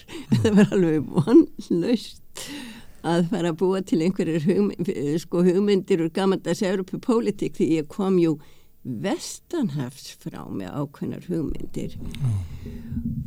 Og um, þær byggðust í raun og veru á þessari nýju hugsun sem var að verða til þarna. Og það var uh, sko samtak, ekki samtaka máttunni, það var alltaf komið fram. En það var sko hópeflið. Mm. það var hópeflið hvernig orkan uh, orka margra margfaldaðist á við það sem hver einstaklingur gerir einn og sér. Og af því einmitt að ég kem að þessu svo gjörsamlega ótengt öllu sem að hér var í gangi þá virkaði þetta það virkaði og varða óskaplega sterk og afli dálítinn tíma svona meðan það var verið að íta þessu vör. Sér, þú ert með tekninguna af Já, þetta sem að uh, Hildur er að tala um eru nokkuð blöð sem eru hérna svona tekningar með velritum texta já, og, bera auðvitað með sér, eh, það hafa á sér svona yfirbræð konceptlistar, Já. myndi ég segja. Þannig að fyrir mér var þetta ekki eh, neitt sko fjarlagt að horfa á þetta og, og, segja þetta er myndlist, af því þetta eru auðvitað tekningar og texti og, og hérna og mjög myndrænt verið að sína svona e, munin á hvernig annars hópur vegar- getur unnið? Já, og annars vegar hvernig píramítin Já, og hvernig og svo, sem sagt, hvernig uh, uh, það sem að varð sem sagt þeirra síðan félagsform að, að það voru svona þessar sellur sem að sk- skiptu með sér verkefnum og svo dróðu þær sagt þekkingu inn í, inn í sig sem, sem hópa sem þær síðan miðluðu á einhverjum svona kjarna og, og svo fór þekkingin aftur út í, í hérna samfélagið og, og þá er það sagt svipað og svona og kannski gróður Já. eh, hvönn aðferðir, já? Hvað, Hildur, hvað getur þetta verið? Þetta verið blóm? þetta er bara bakteríugróður eða gróðu, eitthvað lífrænt eitthvað sem að, að sko pýrmyndin er, er hann er, er tjur. Já. hann er sterkur, hann er statív en þetta er lífrænt form að þú hefur vaxið. stjórn á því. Nei, þú hefur nefnilega ekki stjórn á því. Nei, það getur, það vex. Það vex í þá Það getur búið til nýja hluti á meðan píramindi gera það ekki. Nei, þess vegna er hann Já. hvað sumir segja 50.000 ára gammal það er alltaf verið að lengja lífans Já. eða þeirra en þetta er eitthvað sem að vex og svo getur það dreigið sér saman Já. en ég sem sagt uh, sá þetta bara hjá Hildi, þetta er bara svona ljósreit en þetta er auðvitað líka varveitt á kvennasögursafninu uh, sem þá bara svona dokument úr baráttunni og þar eru fjölmörg önnur verk sem að eru auðvitað uh, teikningar og, og myndlistaverk þannig að þau eru líka, það eru líka tvö vegspjöld sem eru á síningunni sem að e- eru þá núna að fá svona status myndlistaverk sem hafa hinga til verið þá bara dokument frá þeim rauðsökonum sem eru varveitt í kvennarsögursafninu en það sem var líka náttúrulega svo flott við þetta sem að ég held að hafi hérna skiptið þetta sköpum var að að e, út af því að þau voru ekki með þetta píramítaskipulag þar sem var formaður, stjórn og svo einhvers konar massi af félagsfólki undir að þá sagt gátu rauðsókurnar þá forðuðust þær sko líka þá einhvern veginn svona und, gátu þær vikist undan uh, hefðbundunum árásum sem að gerðir eru á svona hópa en þess að auðvitað er það taktikinn sem að þeir sem að voru svona í konvensjonal vald, valdastruktúrum þeir hefðu farið og vaðið í formannin og, og, og reynd að gera viðkomandi tortryggilegan og bara gert líf viðkomandi mjög erfitt sko. Mm. og þá er auðvitað verður kannski svo en annað hefur þólað Já, undan þá verður, verður viðkomandi verður auðvitað veikari, það er ekkit Mm. allir sem geta verið svona sterkir. Og þá er það líka hérna all heildin sem að svona ber, ber ákveðin skada því, en þið náðuð einhvern veginn að, hérna bara skauta fram hjá því að vera með formann og þá gætu þið líka verið raus okkur á kveldin en ekki á daginn. Þannig að þetta var svona gerillastæl Já, ég, ég reyndi að predika það, ég vissi hvað einhvern veginn, hvað þetta var hræðilega erfitt vegna þess að þú var, sko samfélagið var á öllum stegum búið að ákveða konur eru hér og kallar eru hér sem er út af fyrir sig alltilega stifta með þessi verkum en það verður að vera svolítil sangirni og við náttúrulega vildum gera verk okkar ósynileg því að við áttum bara að framkvæma alls um önnunarstörf og hjálparstörf og allt slíkt og það var ekki sko viður en það er annar mál. En þetta var svo óskaplegt álag að mér fannst alveg sangjant já, við, við komum fram og þegar við ákváðum að koma fram og vera rauðsokkur og koma fram í hóp þá gerðum við það og þá hafður kraft til þess en þú, svo gastu dreyið tilbaka og fengið að vera annarkvæmt þín gamla hlutverki eða mjög kvenlegu bara gera það þú, þú, Mm. þar sem að þér hentaði og jafnvel það sem var ætlast til að þér til þess að Þannig að í þessu formi þá var ekki svona hlutverkarskiptin svona ákveðin að þú varst ekki bara í einhverju hlutverki að- frá mátningu til kvölds. En það er líka mjög fallegu textin sem að stendur hérna sem að sko það sem að einhvern veginn mér finnst svo uh, flott að lesa þetta út af því að það er alveg sko hérna meðvitund um það hvernig svona skipula getur auðvitað haft í för með sér ákveðna ákveðna flækjusteg og svona þú veist og það er hérna hvað skrifaði ég?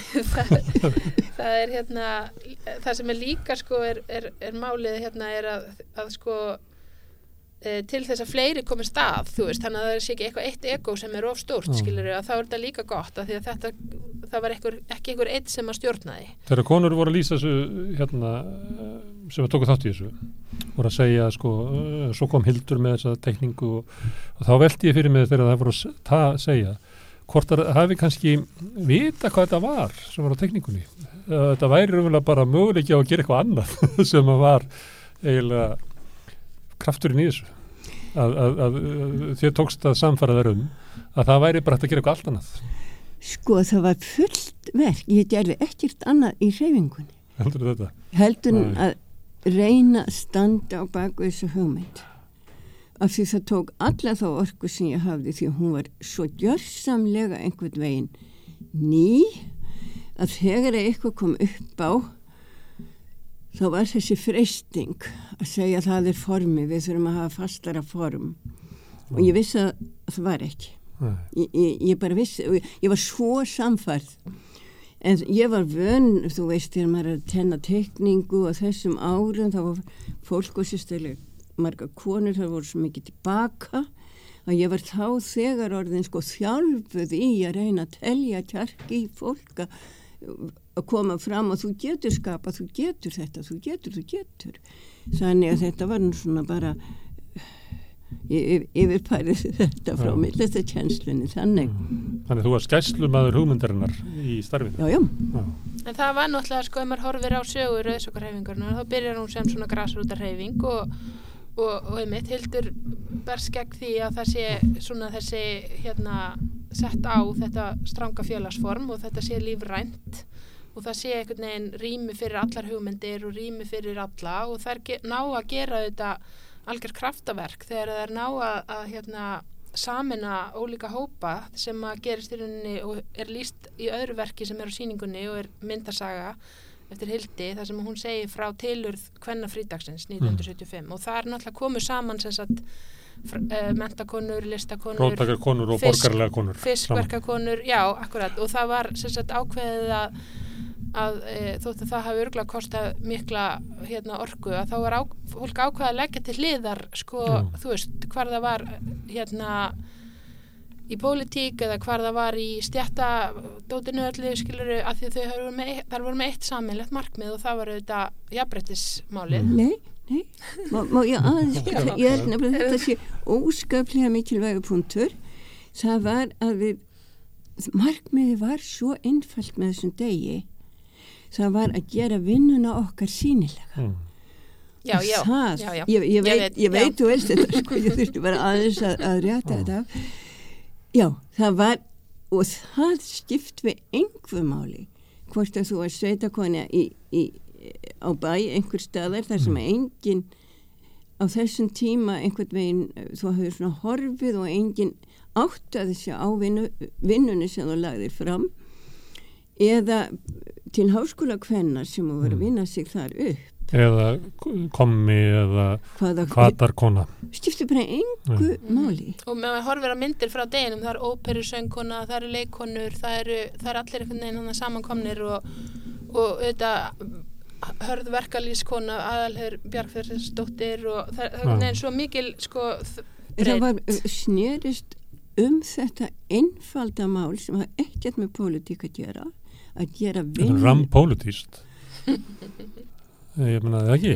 Ég- ég þetta er það, pólitískasti gera vinnu eftirstríðsáranna. sínilega þessi dagur. Já, og það var svo eh, hérna ég held að hafi verið aðtök sem stéði í Svíþjóð sem einhvern veginn mm, skerfti þessa sín alla að þar hafði þvottakonu farið í verkfall í norður Svíþjóð mm.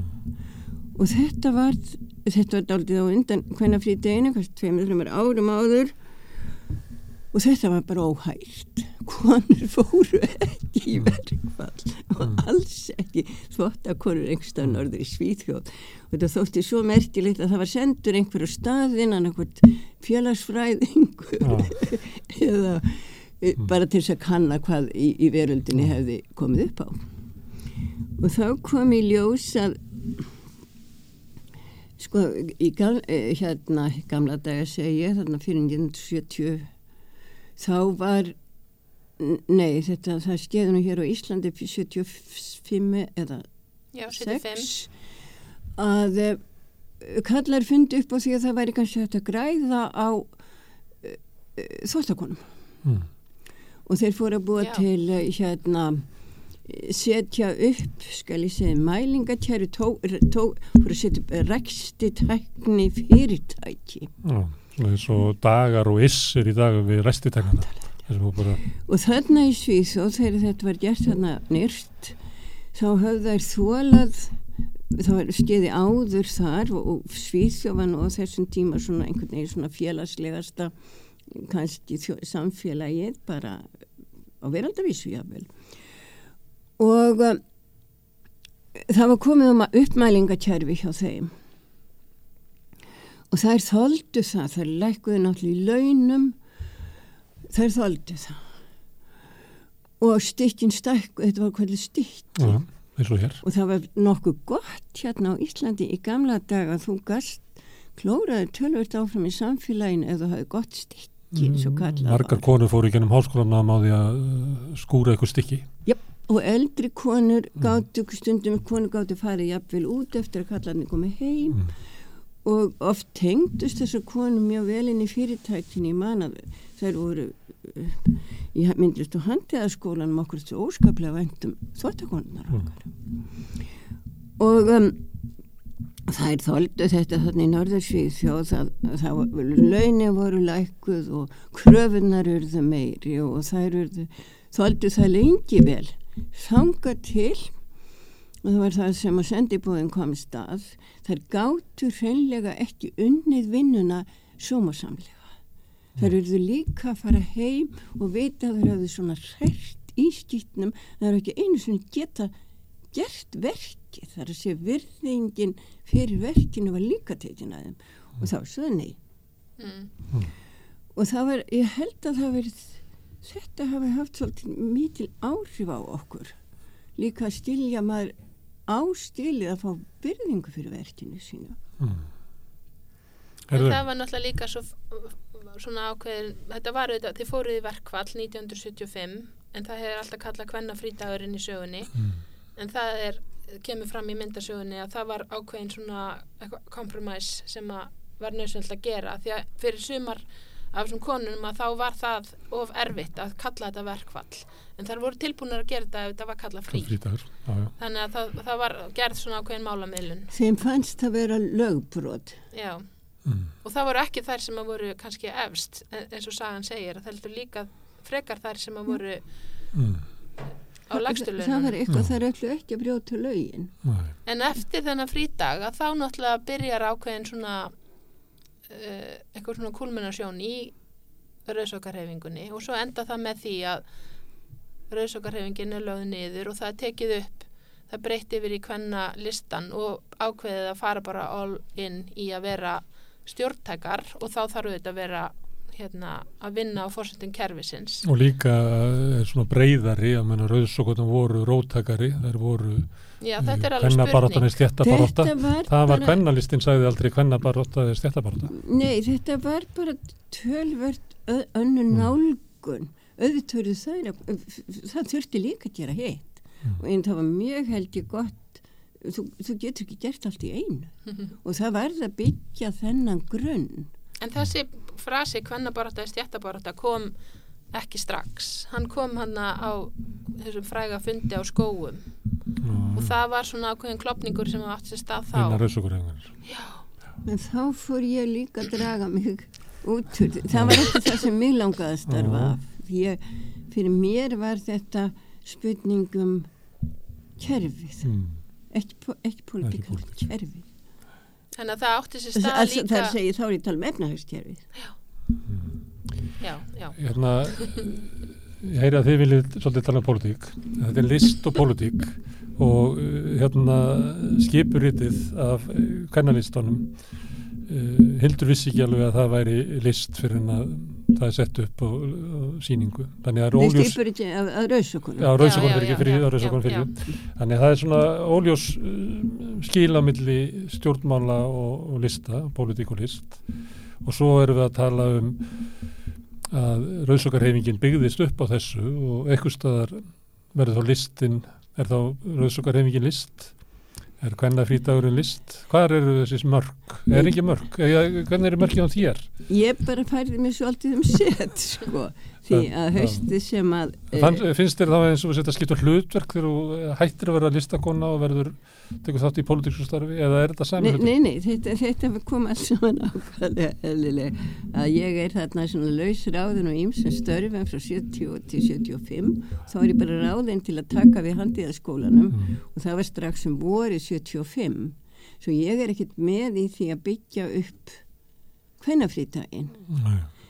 Uh, ég var með í því að búa til þetta stípula og þá er ég komin inn í listheimin og þá fer ég bara að vinna því líka að opna hann uh, og uh, undir mér ákvæmlega vel þar. En þú ert listakonna og býr til listaverk en síðan ert að vinna með svona kerfi skólastjóra og svona. Er, er eitthvað munur á því? Er það sem að þú ert að reyna að opna myndlistaskólan er það Já, sko þarna líka Nei, ég er að vinna með kerfi það líka. Vegna þess að það var búið að mynda í kringum skólan ákvæflega stinsamlegt það, það var ákvæflega stinsamleg uppbygging sem byggðist í raun að veru að mínumati á forn uh, náði alveg rótum aftur í uh, lista, sérstaklega danska tjærið og listaháskóla þar og þeirra uh, þeirra uppbyggingu alla. En hugsunni var eiginlega svo þetta var ekki myndlistarskóli þannig lagað ef að þú ætlaðir að verða, mynd, mynd, verða myndlistamadur þá var svo hugsun allir fór í fornám mm. sem var ákvæð eða bara fínt. Og svo velur þið sérdild og það var til dæmis engin listild engin? Það var engin listdild listdild það var kennaradeild. Mm. og ég svo, svo ég stopna það var ekki málaradeild? málaradeild. Stopnaði þú það? hæ? það var til málaradeild, ekki? nei, ég stopnaði hana það var til deil sem heit fráls myndlist, eða ekki? nei Já, já. Þannig að þetta var myndlistakennararskóli Í raun og veru, já en þetta var, var sko, mjög góð hugsun þarna baki mm. og hún var svo að um, e, þetta er um fátækalistamanni sem hefur ekki efna því einu sinni sko, að eignast heimil og fjölskyldum að þú hefðir kennara réttindi þannig getur alltaf kraflaði áfram í lífunum og unnið svo að þinni list eða kent eða gert. Og, en þú myndir bara ef þú fyndir hjá því köllun og löngun og djörfung þá færir þú eftir þetta nám elendis myndir halda áfram að menta þig þar og eftir eitthvað einhver ár þar þá myndir þú koma heim eins og gerðist bara í skálhaldsskóla hérna í, í fyndinni þú lærðir eitthvað þar svo fórst og lærðir erlendis og komstu heim og ef þú varst duglegur þá varstu rektor í skóla, skólan í 2-3 ár mm. og þá áttur þau að fara sem sagt aflaði framhalds hinnar raunverulegu myndlistamentunar ellendis og koma svo heim og deila því svo með öðrum og þetta var óskaplega skinsamlegt ef við höfum verið á öldinu svona um 1850 mm. en það var bara komið þarna á og það tók ekki nema það tók reynda tíu tíma að fljúa til Ameríku en við vorum gömlega vélarnar, DSI vélarnar mm. en við vorum bara komið heimir við varum bara stattir á öðrum stað mm. og það var þessi gliti sem ég hafði verið þarna fyrir vestan og þarna var allt sko búblandi á lífi mm. af því að Parísaliði hafði sömleiti flutt sig yfir til Ameríku og þeir hafði ákveðið þrátt fyrir McCarthyisman og allt þetta pakk náttúrulega alls ekki en þeir sjáu sér hagið í að hleypa þeim inn í landið mm. og það er búið að tala um það ímsum fréttum og að vita að þeir voru hafðir á því sem þeir kalluðu long lease það er að segja mm. snúra maður löngan þeir voru í bandi það var fylst með þeim alveg nákvæmlega. Það er abstrakt, það er það að menna abstrakt expressionism. Yep. já, já. Mm. Vildu fá list en ekki eitthvað social realisma? En það er náttúrulega þessi Nei, þeir sá sér sko vissan pólitískan hag í þessu þó að þeim finnist þetta hryllingur. Þetta er það? Já, sem að var þá andstaða við ef við erum að tala um kaldastriðið þá er abstrakt expressionismin ákveði svona flótti frá málefnunum af því að það er ekki neinn hérna, pólitík þannig sínileg í því en auðvitað er það enganilist fyrir ekkar en félagsleika mm, en sko það er þessi, skil, þessi skilgreiningagleði sem er svo erfið stundum. Og eins og þú sagðir eins og e, maður þurfu ekkert neginn að vera vakna mótnana og ákveða sig sko ætla ég að vera pólitíkus í dag eða ætla ég að vera kennari eða ætla ég að vera listamæður eða ætla ég að vera kona eða ætla ég að vera hérna, síningastjóri eða veist, þetta er auðvitað ekki raunveruleikin er ekki þannig að það sé allt svona skipt upp í deildir sko.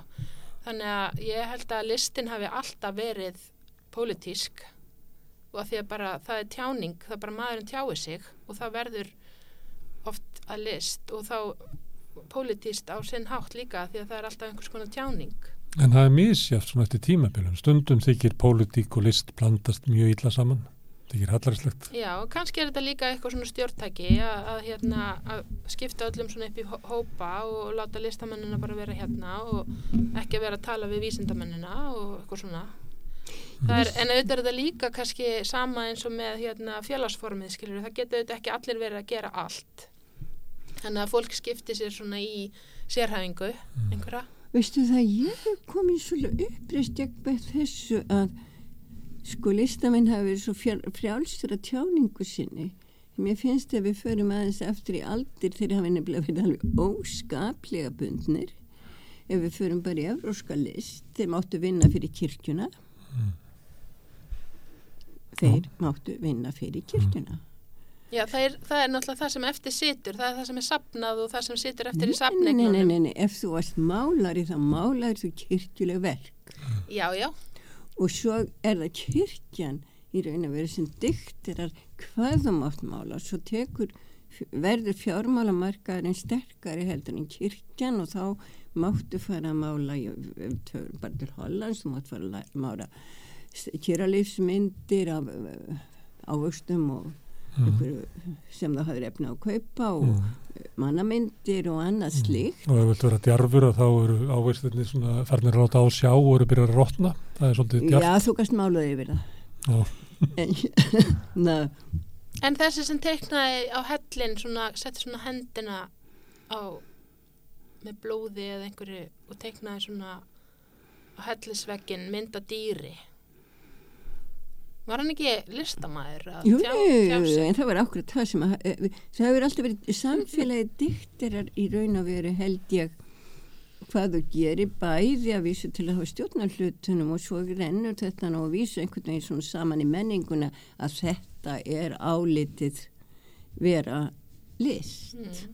og það er enn í dag svo var þessi uppreist gerð til þess að reyna svona svolítið um bylta listheiminum að það var farið að draga það í ef að hún byggðist á fagurfræði og við erum ekki alveg búin að jafna okkur eftir það mm. en þegar við skum aftur í hérna bakka svolítið ja. og hérna það sem gerði þarna var að stopna þess málardel ja. og svo fekk ég Magnús Pálsson til þess að þetta var svona mótveit, svona vegast allt og ég held að þetta var nú allt í læg. En einhvern veginn hafði ég, þá var þessi rammi, hversu stinsamlegur ágættur sem hann var, hafði verið svona bæði betröstlæri og sterkari heldur en ég hafði ímyndað mér og einhvern veginn hafði, kom ég þarna við eitthvað reglugerðarverk sem búið var að setja upp í samfélaginu. Og það er enn að titra eftir 50 ár. Mm. og gerður eitthvað sem mátt ekki gera það Magnús Pálsson kom hann í, til þess að gera nýlistadeildina þannig Já, eða, sko, Fyrst hérna deild í mótun. Ég samþýtti aldrei þetta orð og hefur aldrei gert vegna þess að það var politist heimskulegt. Já en uppreysnar andin í Magnúsi vinu mínum var, var svo óhemmju sterkur en deiltímótun var alveg fullkomi nafn. Og það sem við bjókum til það var það sem ég bjóð til. Ég setti aldrei nýlistastarf. Hann bara fekk að ráða þessu því ég sá ekki hætt, ég skinjaði hættuna en ég sá ekki hvað var sterk mm. af því þá er hægt að segja þetta er stefna. Mm. það vantaði skuldurdeild og ég held að hún hafi nú eiginlega verið svona á prógraminu og deildimótum gæti alveg fallið þar inn í vastamóta hugmynd, vastamóta skuldu, hvað varst að gera mm. og ég man eftir því að þeir voru að spurja mér sko og til hvers allar ég vil gera þessa tilrönd segi og til hvers allar þú að hvað allar að fá útrunni mm. en ef þú gerir tilrönd þá gerir tilrönd að því þú veist ekki hvað kemur mm út eins og með skipuritið að vera efingunni þú verður að hafa uh, hugur ekki til þess að mæta því sem kemur mm. En stegst þú eitthvað að tær þannig að þegar þú varst að breyta myndlistaskólum? Hvað sér það? Stegst þú eitthvað að tær þegar þú varst að breyta myndlistaskólum? Nú heldur betur Já. Og hverju voru viðbröðin?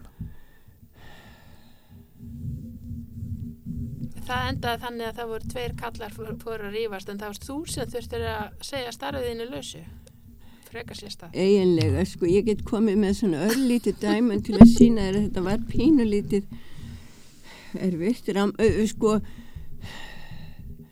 þessi þetta form sem ég hafi tekist á við þarna reyndist svona aðeins sterkari heldur en ég hafi Mm. reknað með eða látið mér kannski bara þetta í huga væri þarna og ég veit það núna ég eh, vissi það alls ekki þá ég var einhvern með köllin inn í mentamálurraðunit og það var alltaf verið að kalla því inn í mentamálurraðunit einstúksinu við og við til þess að fara yfir fjárhægin og um, það var aldrei skemmtilegt þarna þú þú skaffaði viss peningar.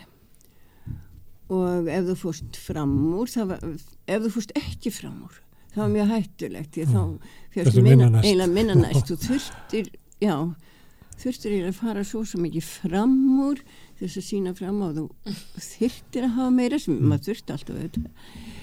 Og um, svo ég fyrir þarna nýrittir og Stefán er þar og, og einhver var sendur þarna með mér og ég vissi ekkert um hvað, ég spurði aldrei um hvað fundurum var. Og svo var aldrei sagt neitt og við Stefán fórum bara að spjalla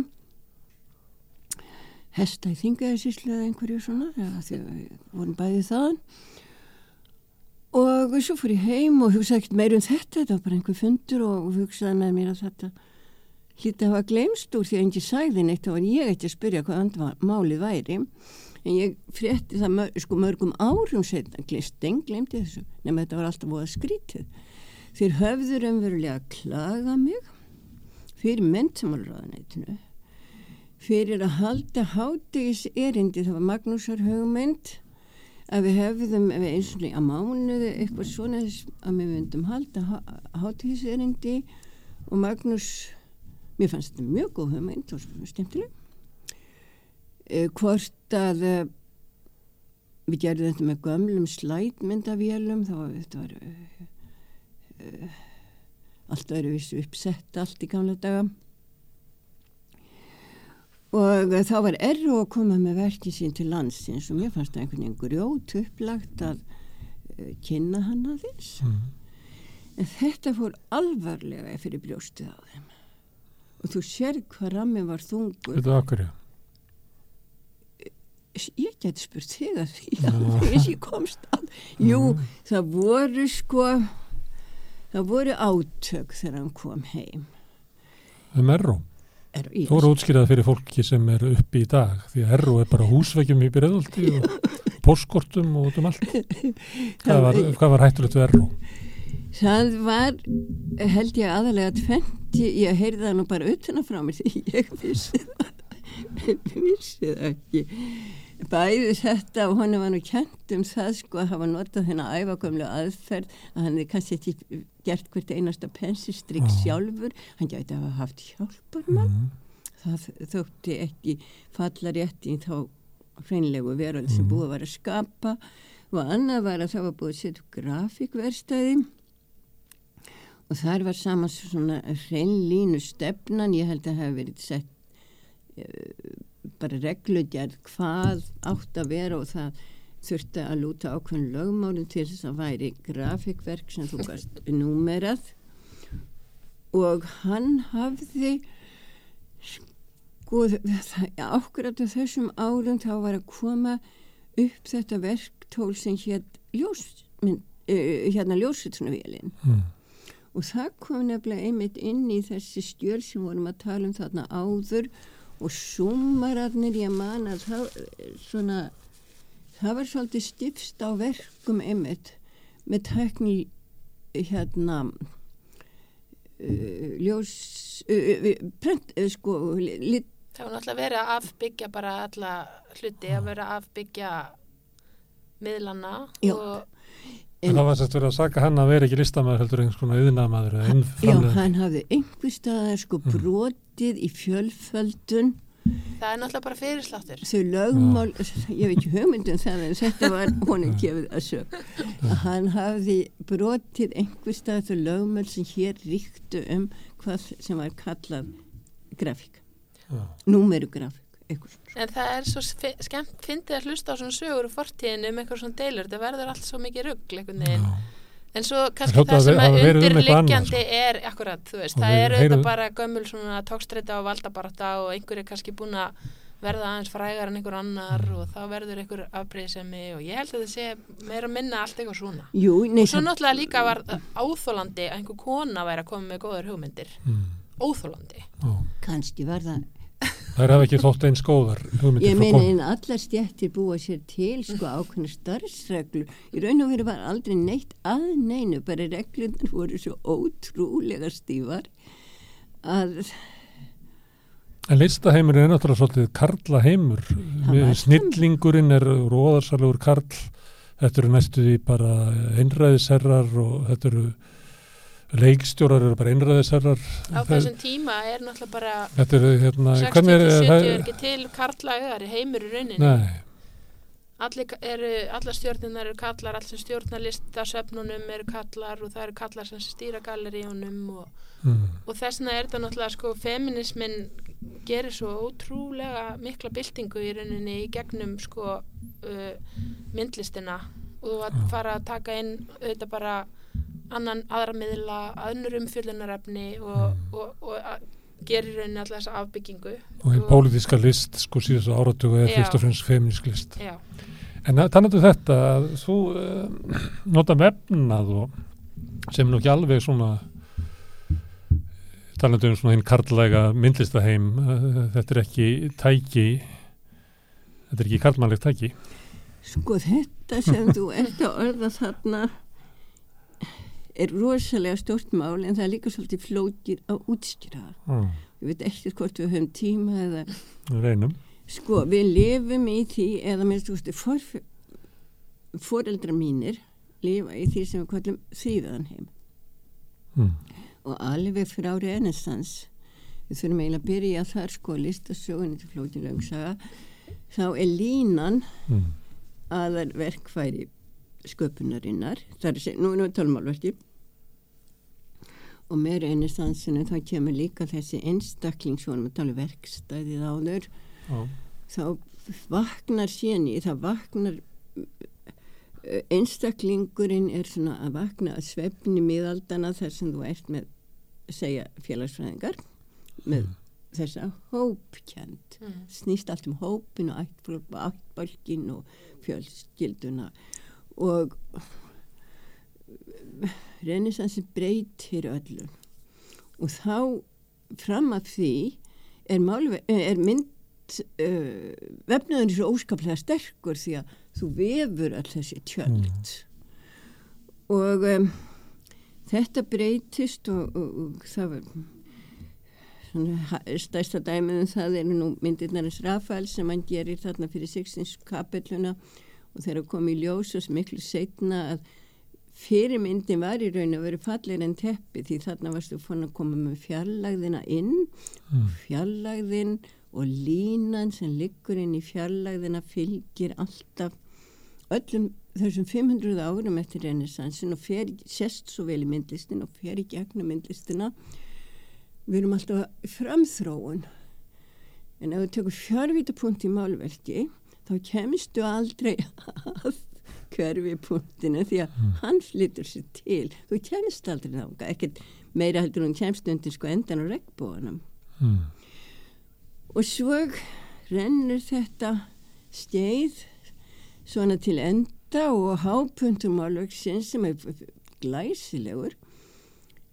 Og þú ert reyndar að mála alltaf á ofinn flöt sem er svolítið Já. skemmtilegt. Strígan mm. en línan er abstrakt hún, hún er ekki til í raun og hún er kallæg mm. og þeir, þið eins og þrýðingurinn notuðu hana alveg henn til þess ítrasta og, og flott og gaman. Á meðan sátum við alltaf og höfum gert í hundraþúsundir ára og við erum alltaf að spinna þráð. Og þegar við förum inn í fjórðuvítina sem að stóra skrifið kannski kúpisminn og, og uh, náttúrulega guðuvélinn og, og um, ástæðiskenningin og það. Mér finnst það gott að setja svona 1904 ástarið á það en það skeður auðvitað bæði fyrir og svo Mm. eftir og svo kemur kvikmyndin. Og nú lifum við í fjóru víðum heimi af því við sjáum allt í þrývíð þú ert með skjáum fyrir fram að þig. Þar sem við sjáumst núna í skjánum þá Mm. sjáumst við í þrývít en þeir sem horfa á lifa í fjórvít Mm. og þessi fjórvít tengist reyndar svona þeirri 50 og 70 svolítið. En þá lifnar allt í hennu þráðurinn af því að hann er þrývíður fyrir hann er til. Og við höfum alltaf haft hann. Og reyndar nota hann mjög til tjáningar áður heldur en að málverkist eitthvað fram. Og það sem er að skje núna er það að og ég var svo hissa þegar að gera alltaf þessa vinnu. Af hverju tölum við ennþá um konur alltaf sem hóp? Konum finnst, konur eru. Og ég var farin að af því stóðnum þarna svona í tölvunni slag og var velta þessu allir fyrir mér. Alveg ótrúlega skrítið. Þá til ég áttaði mig á því að á þessu tímabili þegar kallmaðurinn er að þróa sína ein, einstaklingskend Mm. og, og rísa og virkilega finna ykkur sitt þá sátum við alltaf að hliðabekknum við tókum ekki þátt okkur var meiri sér bannað að taka þátt í þessari einstaklingsmótun Mm. og núna þá þurfum við eiginlega að gera á 50 árum og þess að það er lífið ákvæmlega erfitt hjá konu það virðist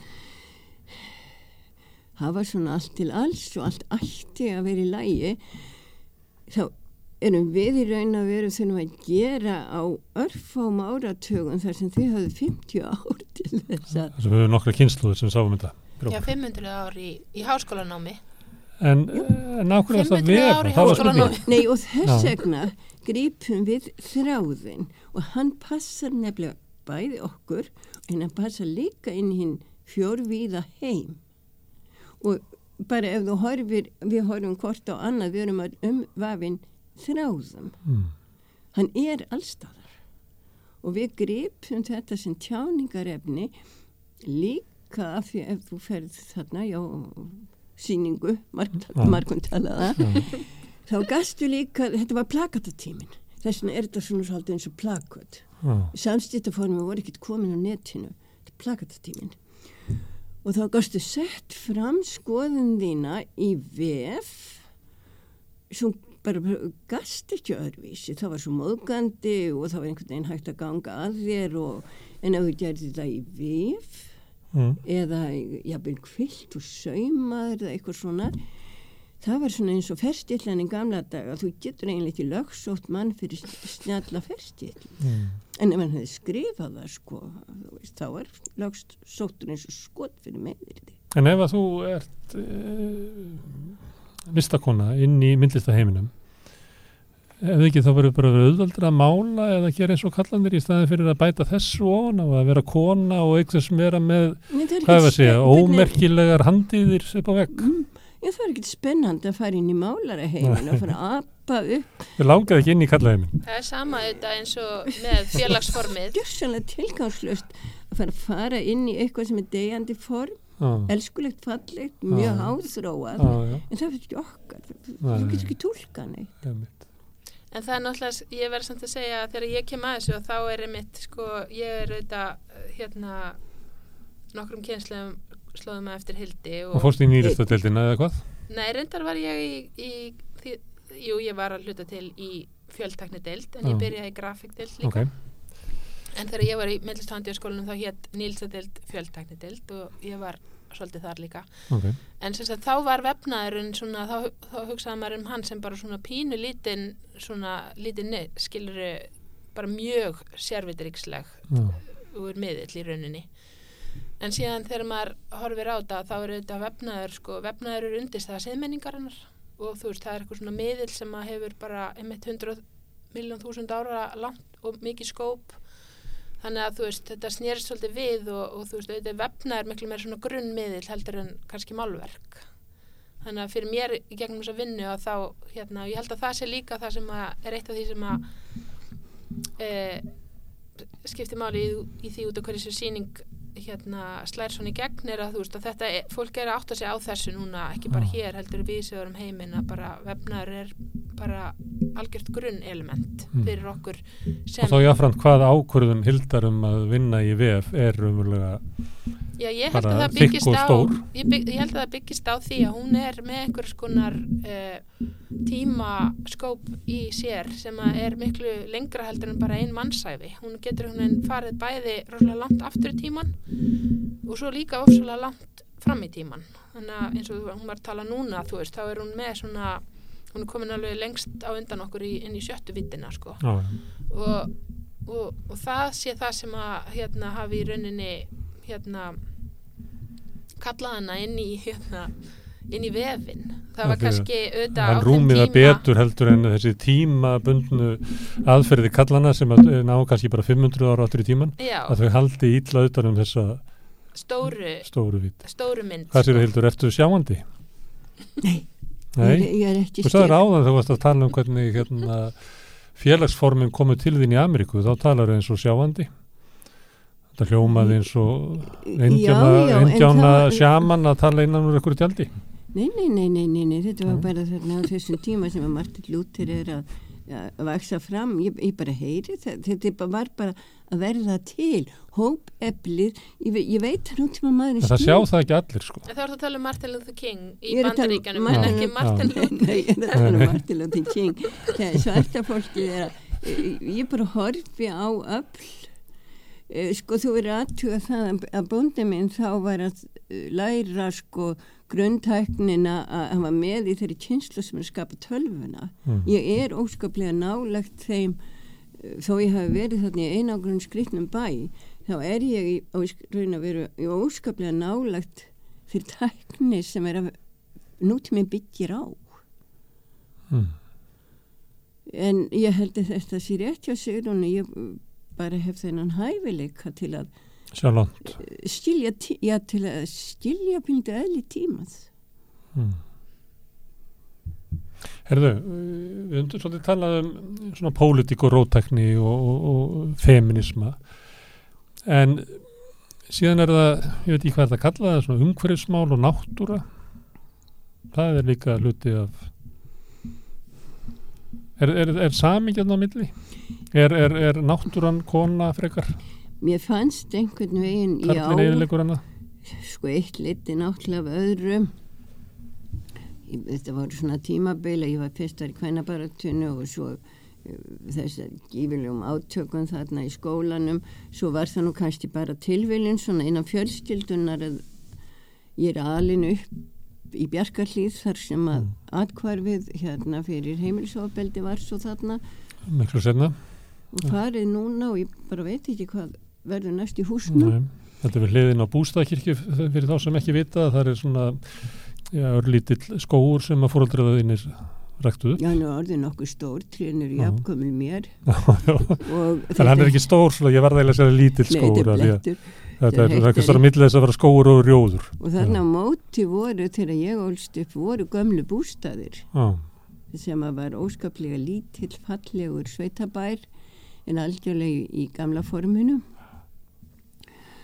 og móði mín hafði, hún hafði háskólamenni, hafði mentus erlendis frá og, og þau voru ákaflega viðsýn myndi ég segja sérstaklega í trúmálum og miklir áhuga mennum ræktun og náttúrun og allt bara mögulegt. Þau hafði ákaflega svona ríkt og stort uh, líf þannig eða uh, hugarheim. Og þau fluttu þarna austur og það, uh, hann, pappi minn bara lá á bannarleguna og þetta var í annarsinn sem hann spurði hvort ég gæti kæfta á hann um hús því að hann langaði svo skilja einhvern veginn trían eftir í höndum einhverja Það var hitt húsið þá á strömmum á strömmum Já, þá það tvö já, já. þau fóru frá Bjarkarlíð austur, austur á, á, á, á og einhvern veginn var ég nú kannski líklegust svona til þess að hyrða eitthvað Mm. um trén. Og ég einhvern veginn bara gæti ekki sagt nei. Mm, og þó, bóndi minn Þór var þá frá Selfossi, fættur þar svo þetta svona og við svolítið þreytt og kannski búin að þvæla okkur svolítið mikið út svona í átakamálum og, og það hentaði okkur bara að fara uh, þarna austur. Og þá uh, tók ég upp þennan þráð og eins og ég segi mér fannst ekkert síður að við þyrstum að hlúa náttúrunni Held, það var búið að fá svona vissan áfanga í því að jafna allavega hugsunni í að allir ja, milli Karl og Kvenna sem voru, það voru bara tvö kyn þá Mm. og hérna þeir orðin fleiri núna Mm. og um, þetta er svona bara að koma sjálfu sér svo liti kannski sem kvíld líka En þú varst alveg meðvitið um umhverfsmálinn held ég líka, ég meina það sést bara á því sem þú ert að skrifa og hvernig þú ert að skrifa í blöð og svona á, á tíma, þeim tíma þegar það, þú ert að, í, í rauðsökarhefingunni af því að það- var náttúrulega líka hugmynd sem þú kemur með frá Ameríku líka sem tengist bara því að, að umhverfs um, verndar svona hugsunin eins og við þekkjum hann í dag var að, að kvikna þar og bókin Rattir vorsins þagna olli strömkörfum, er þetta ekki rétt hjá mér? Þannig að þetta er, ekki, þetta er ekki svona kapla skipt, þetta er, einmitt, þú, þú, þú náttúrulega ert alin upp í svona þessum, Jú, ég- þessari hugmyndafræði umhverfisverndarinnar. Í raun og veru var sko æska mín svo, það var svo viðfemur hugmyndar heimur og það var hægt að fara að grípa niður svo víða.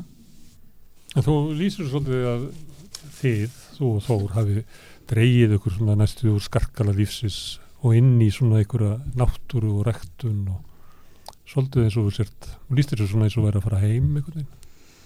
Jú, og sömu leiti Mm. um, og ég fekk svolítið svona meiri tíma þá til þess að vinna fyrir mig en svo fór ég að vinna þarna í söpnunu fyrir austan Mm. og þá opnaðist önnur vereld og hún var að sömu leiti inn til fortíðarinnar en mér fannst miklu betra, ég vann þar þó nokkuð tíma en mér fannst einhvern veginn miklu betra að um, ef ég þurfti að afla fjár þá fannst mér miklu þægilegra að, að vera aðstilja það frá því sem ég gerði og vera ekki að byggja á því að ég þurfti að selja eða afla mér fjár í gegnum það sem ég gerði. Ég vildi halda því alveg hreint þar fyrir utan.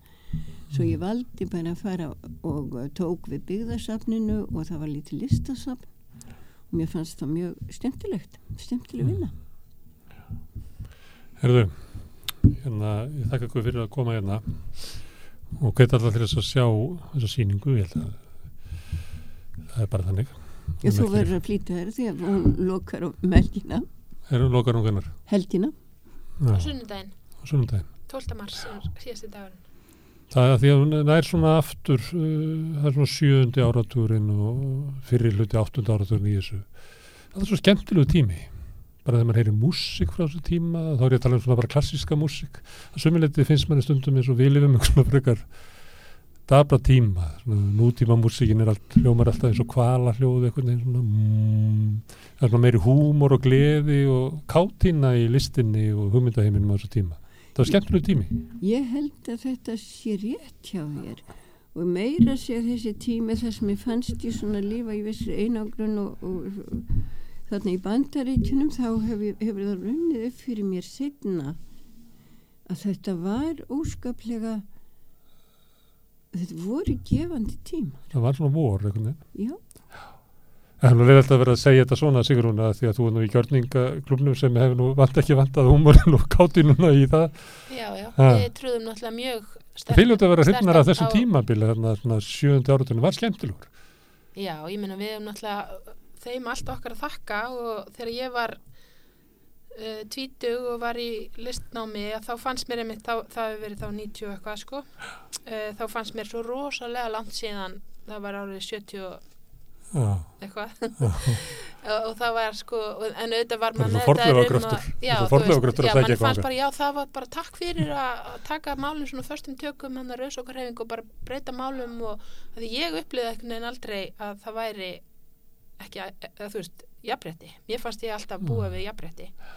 Af því að, að hildakynsluð var búin að taka máli í gegn sko. Já, svo náttúrulega eftir ma- sem maður, verður eldri að þá veit maður að það er auðvitað ekki rétt sko. og maður vissi að á þeim tíma líka að það var kannski mjö, mjög víða í heiminum mikið ójabretti og, hérna en að- allan í mi, mínum svona þú veist, ég, mér leiði ekki eins og ég væri uh, að líða mikið ójabretti en mér fannst auðvitað þú veist, ég meina það er það kannski uh, finnst manni alltaf sinn svona tími þegar maður er ungur og hress vera skemmtilegastur, það er bara held ég eðlilegt. Þessi tími er náttúrulega alveg sérstakur, bara lítin og svona. Sumið sig að hans er komað aftur og því nú er allir komin á hugvíkat efni, þannig að nú fáum við aftur sakka deliglitina. Jú, jú.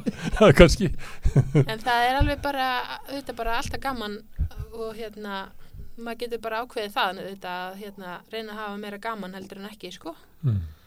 En, en jú, hippa tímabilið er líka eitthvað svona sakleysi og eitthvað svona kraftur Já, í því. vor, Eitthvað trú á framtíðina. já, og, og, og Að við getum breytt heiminum og við getum breytt heiminum Já. já, en að núna erum við meira í því að heiminum muni breytast og það verður ekki til góðs. Það er frekar svona þegar framtíðar hugmyndir eru voruð til dystopía og það er svona, já, það er eitthvað skuggi yfir.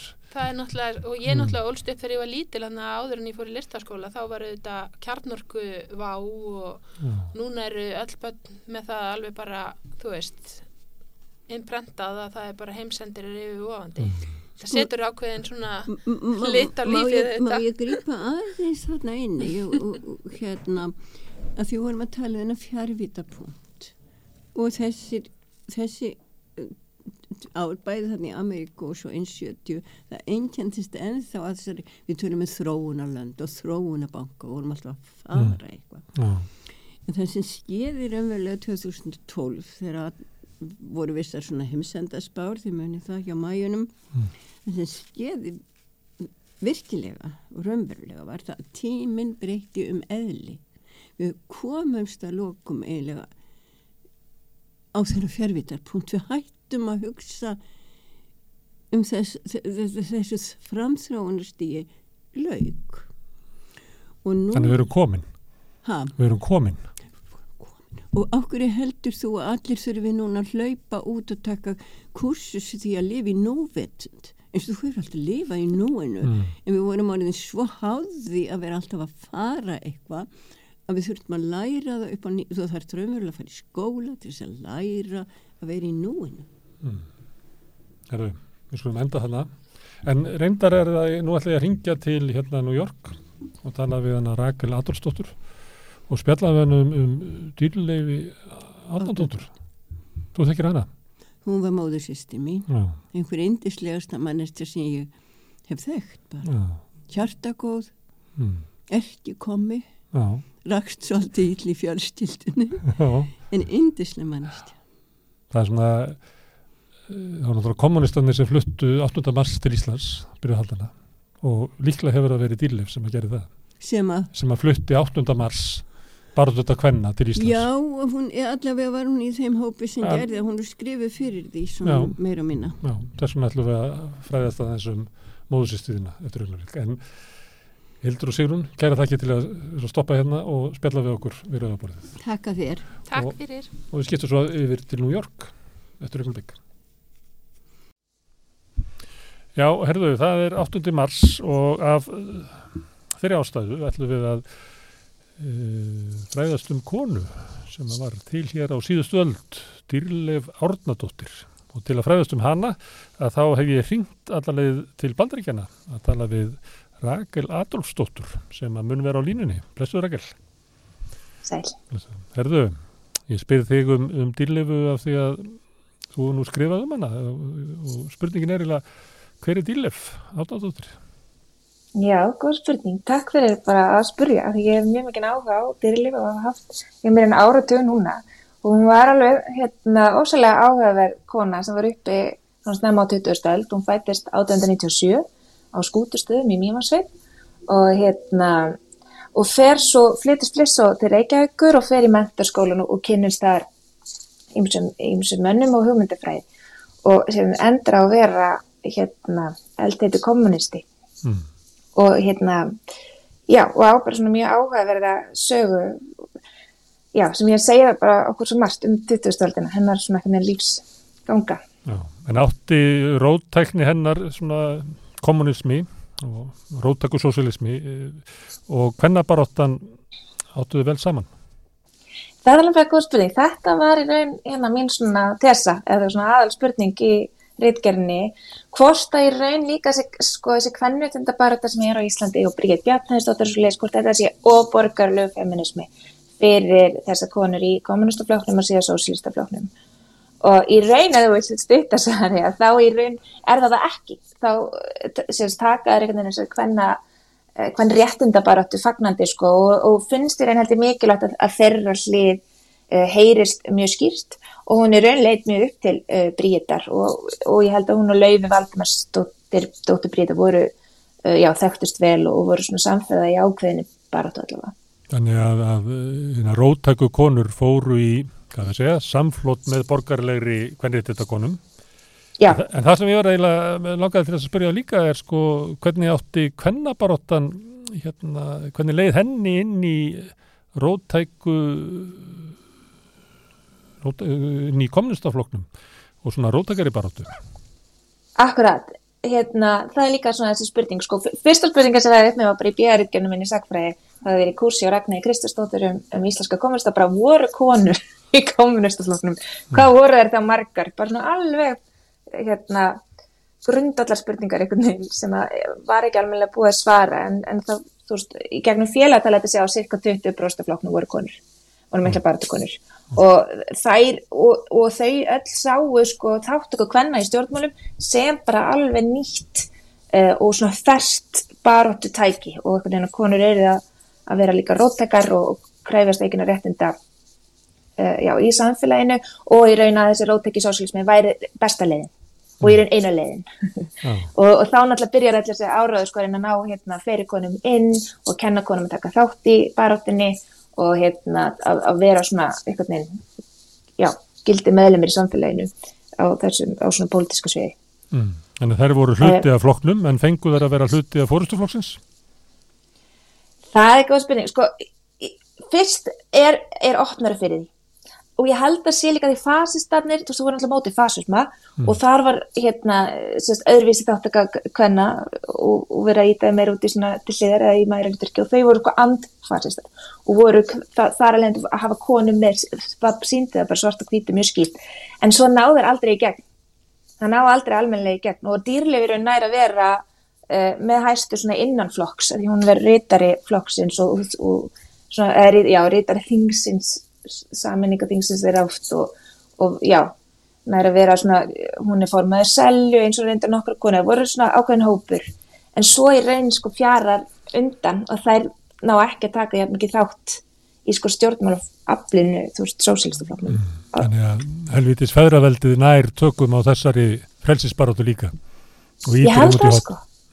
Ítveim út í hótt og gallarni líka bara þú veist, þeir verða ráþurar, þú veist, Brynjóli Bjarnarsson, Einar Olgesson og, og, og verða sérstaklega, mér finnst sérstaklega Brynjóli verða bara svona innlimast inn í þetta vald sem, og verða þá svona þetta feðraveldi. Og já, og þeir eru svona þeir líka líta, þeir eru að líta tilbaka þá sjá þau ekki þátt ykkur hvernana vel fyrir en sko komið er á nýjönda ártíðin. Mm. þá byrjaður þeir að tala meira um Einar Olgesson sérstaklega skrifa um uh, konurnar í floknum sko. Já En hvernig, segðum við frá dýrleifi, hvernig háði róttækur feministi baróttuna þarna uh, fyrir hluta síðustu aldar? Hún gekk í buksum, manni? Já, hún gekk í buksum og var með drengjakotli, þess að hún myndi um nýju konuna, hún og Katrin Tóratsen líka læknir og allt nýtt kona og svona. En sko, það sem ég veist svo áhengið er að hún er þessi líkt á Einar Olgesson, líkt á Brynjólf Bjarnarsson, jafnvel Hendri Gottursson, þú veist, þetta eru svona þau eru að borgarlegum ættum, þú veist, mm. hún er pressdóttir, hún hefur alveg ótrúlega tækifæri, læri tungumál, fær heimakenslu, næri fyrir til Reykjavíkur, búi hjá ættingum um, og fara svo í mentaskólan þar sem hún verður held ég 12 eða 13. hvern stúdendin. Já, mm. þannig að hún kemur frá svona annari kreðsu og það, það var engin annar í ættinni eða fjölskyttinni já, brótæk og hún. Nei, en hvernig háðu hún baráttu sína? Ekki, hún, hún? var ekki að, Já. að smyrja brauðtertur hérna fyrir kallana eins og er á- í framsálufloknum. Nei, akkurat, já, hún, hún var svona, hún gælt ræður og hún hérna, skrifaði hérna í blöðinn og tók, já, tók alveg virkan þátt, var, var á þingunum. En ég sé ekki, hún er ekki þessi herskáðast, sko, þeir voru margar að mótmæla, til dæmis. Indiana Garibaldadóttir var fangilsuð og þess að það, ég get ekki fundið neitt svona, hún hefði verið einhvern veginn fremst í, í flokki þar. um, já, reynda var jú, reynda var eiginmann síðar var fangilsar, þú veist að það, já, það Mm. var settur í fangilsa vegna mótmæla. En hérna en hún var svona hugsuður sko. Og eða þú veist, hún var svona og var í raun þessi sko skipilegjandi skipilegja sellur, skipilegja þáttu ekki alls konar hvernfélögum og alls konar félögum bara Mér var alltaf sagt að í gamla daga að hún hefði tekið þátt í að henda Steini Steinari út úr selunni. Já, það er hérna alveg til, Steit Stein að segja það, en er hérna, hún hafi hint honum niður stiga og hérna, akkurat, og þessi myndafinu, sko, hún líka fór út í, í svona sósíleiska, hérna, til Sovjetiríkina, sko, í sósíleiskan skóla, en hérna, en, en sko, þegar til að við ættingennar og, þeir sem er náinni, þá var hann alltaf mjög ljúf. Já, og hún var, og í raun segja, hver, ég held að Steit Stein segja líka, því hún kaus með að, að kasta einar olgesin úr flokknum en með tára kvarmi eitthvað svona sko. Það var náttúrulega stílisti Steinn Steinar og það er alltaf, ekki alltaf gott að treysta stílistu þegar að segja frá og skáld, íslensk skáld vilja stetta niður stiga bara út af Jónasi og fleiri. Það akkurat, akkurat. Mjög góða búndir, þetta er alltaf góð saga og þú veist, þetta er alveg lýsandi fyrir þessi ósælegu svona þjómyndafræðilegu átök sem voru upp á þessum tíma vissilega, en hérna. En já, en svona myndin af henni er, er bara ósælega ljúri konu En hún barðist fyrir jafnrétti og hún barðist fyrir jöfnuði og hún var á svona rótæk uh, jæðri stjórnmálana. Heldur að það hafi svona sett marka á hennar æ- ævi og tækifæri í lífinu? Já, góð spurning, hún náði alltaf að vera, hún var, hún var réttari, hún kláraði fíluna, hún hérna, og, hérna frá Háskóla Ísland, svo náði svona freka langt á þeim tíma, uh, en ég held hún hafi ekkert, ég held henni leið bara mjög vel í sinni græðsu Já, og hérna, ég held að þetta hafi ekki haft kannski mikil áhrif á hana, hvort hún hafi verið útrópuð út á götum eitthvað svo ég held ekki. Og við verðum líka að muna, þú veist, Ísland er þetta, þetta er lítið samfélag og þú veist, hún þekki flesta Mm. uh, og ég veit að þú veist, hún til dæmis gæti ekki tala við þessi, þú veist, þegar innan fjölskyldana hættu þau bara að tala um stjórnmál Herfur, ég, var, Eh, ég var að tala áðan hérna við Hildi Hákonadóttur myndlistarmann, með myndlistakonu Mhm. sem er náskild dílifu. En af hverju fórst þú að eh, pæli í, í dílifu? Hvað, þekki, eh, ertu skild henni eða þekktur eitthvað til hennar? ég er ekki skild en ekki, ekki til henni, nei, ég las bara aðeins um hana á hérna um, já, í kursi ég var í og, og, og svo henni bara alveg heilan þannig að ég er að rannsaka þessa, þessa sögu kommunista og hvenna innan kommunistaflokksins þá, þá poppur hún alltaf upp. Líka því hún er alltaf, hún er svona rauður þráður eins og hérna, Mm. ég hildi ákvæmdóttur, í gegnum einhvern en allt þetta starf, hvern réttinda barutu félagastarfi, hún, hún er fyrir í smá frambúð en er alltaf frekar neðalega þannig að hún er svona með þetta óframlega vald. En, en verðist samt vera, hún er rosalega langli í flokknum, hún er einu, einu þeim sem stopnar uh, spörtu 1929 og okkur einn svona já, og, og heldur svo bara áfram í ára tíu sko. uh, og gafst einhvern veginn aldrei upp á, á flokknum heldur. Hanna, en, en, en svo fekk ég einmitt sko hérna, uh, og, en það, það er líka til líka því nú er skjálaverður á, á hvernig sögursafni að þessi sýstirna dýrlegar, Þorbjörg Árnadóttir það var bara eitt ára á milli þeirra og hún var, það mátti ekki alls ekki ræða þennan pólitík eða hún var ekki með henni í liði í því. En, hérna, en hennar skjálasafn og hennar bref er all varðveitt á hvernig sögursafni og þá líka gæti fyndið, þú veist, leiða dýrlegu veist, í gegnum þau bref þú veist, hún þráði að sigla til Danmörkur hún þráði að læra meira. Þú veist, það er alltaf verið henni hjálpinni að komast áfram á einhverju svona, einhverju framabraut sko. Já, bref sem Hún sendi sýstu sinni sem hann vill alls ekki heyra neitt um pólitík þannig að þá færðu svona sín af einhverju annar liða dýrlegu heldur henni pólitísku í gegnum bref. Já, og, og móðið þeirra líka sko er að senda bref eh, til Danmörkur og reyna að fá, fá dýrlefi til Danmörkur 1918 það er bara heimstyrjöld og allt, allt í gangi sko. Herðu, en við erum að tala saman á 8. mars og það voru Mm. konur í kommunistafloknum sem að, að fluttu 8. mars til Íslands og þá líklega dýrleg. Og þá líklega dýrleg. já, það var líka dýrleg og það var náttúrulega ykkur tenging við bara kommentin bókstælega um, en hérna, eh, sérstaklega já, á 32 þetta byrjar uh, Já. svo rofnar endur svo tenginga en Já, hérna 8. mars er náttúrulega en- frídagur í Sovjetiríkjónum, uh, bara dagur hvernig? Því að það er náttúrulega, konur og oft fengu þessi- kostningarétt við byltinguna 1917. þetta nefnilega kemur frá því og það var, það var búið að reyna að vera með algjörlega hvernig dag aðeins fyrr en jú, og svo er þessi dagur valinn 8. mars út af uh, hérna, byltingunni, rúsnesku byltingunni 1917 og, og svona þessum hérna, verkföllum kvenna Já. í Rúslandi. En, þú veist, og þetta var lengi vel, lengst það var þetta bara rótakakonur, rótaka vinstrikonur. Þær tókuna dagu, þær voru alltaf með dagskráður sem degi uh, og MFIK tekuna líka 50 og eitthvað menningur og fyrir samtæk íslenska kvenna. En hérna, en svo 1977 að þá gerir sko saminuð þjóðunar þetta að bara svona almennum baráttu degi kvenna í heiminum. Já, og ég er hér á, á hérna fundi kvenna nefndar saminuð þjóðuna. Við rifjum það upp hérna fyrir í þættinum að uh, dagurinn byrjaði þannig á Íslandi að það voru kvennforstjórar sem að ringdu inn viðskiptin í kaupöllinni. Ég veit ekki hvernig dýl- dýrleif hefði séð það fyrir sér, að það veri 8. mars. Nei, akkurat, akkurat. Er, þetta er nefnilega máli og þetta er það sem er svo áhugaðis gegnum, gegnum mínu rannsóknir hjá kvennabaratu. Því konur, þetta er svo ofsalega fjölbreyttir hópur að, að hvernig samt verður alltaf þessi samstæða að, sko einhverju leiti og svo, þú veist, klopnar það alltaf þegar við fyrir svona dýbra í málefnin. Uh, já, ég var ekki alveg klukkan náttúrulega bara morgunin í okkur en ég var búin að heyra aðeins af þessu hérna í kaffinu á hótelinu morgun. Já. En ég veit ekki hvernig, ég veit ekki hvernig hún hefði litist á þetta sko. En ég held hún, hann er dýrlegu. En ég sé alveg beina tengingu frá dýrlegu til Hildar Hákondóttur og Rauðsokkarhefingarinnar. Já, Uh, en það, það veist, en svona sagfræðingar eftir á. Já, Rauðsokkarnar voru ekkit endilega að hugsa um það. Alveg svo kvennalistakonu voru heldur ekkit að hugsa um mikið um kvennalista 1908 eða eitthvað svo nei, En hérna, eins og sagfræðingar þá sér maður svona hvernig þessi þræðir er liggja. nei. En Þetta er mm. mikið rannsóknarefni hvernig stjættabaráttan og kvennabaráttan hefur uh, verið saman á Íslandi en þó kannski meira eiginlega sundur sko. Það er eiginlega það sem er eiginlega sorglega við það sögu að, að hún hefur sjaldan náð að vera sko öflug saman. Það er, það er út á en- í flokkonum og í verkefnisreifingunni og flera sem að, að hafa bara ekki hleyft konunum að. Akkurat, það er nefnilega máli. Það er svona, og það er gaman að hafa það með að ákveðnu marki. Það er bara ferskar eitthvað og svo bara á ákveðnum tímapunktum að þá falla þær alltaf til hliðar og ná ekki einhvern veginn alveg í gegn sko. Þannig að það er, já, það er mjög áhugavert. Og þess vegna sækja þær alltaf í hver aðra. Já. Þess vegna myndast þessi kvennarsamstæða.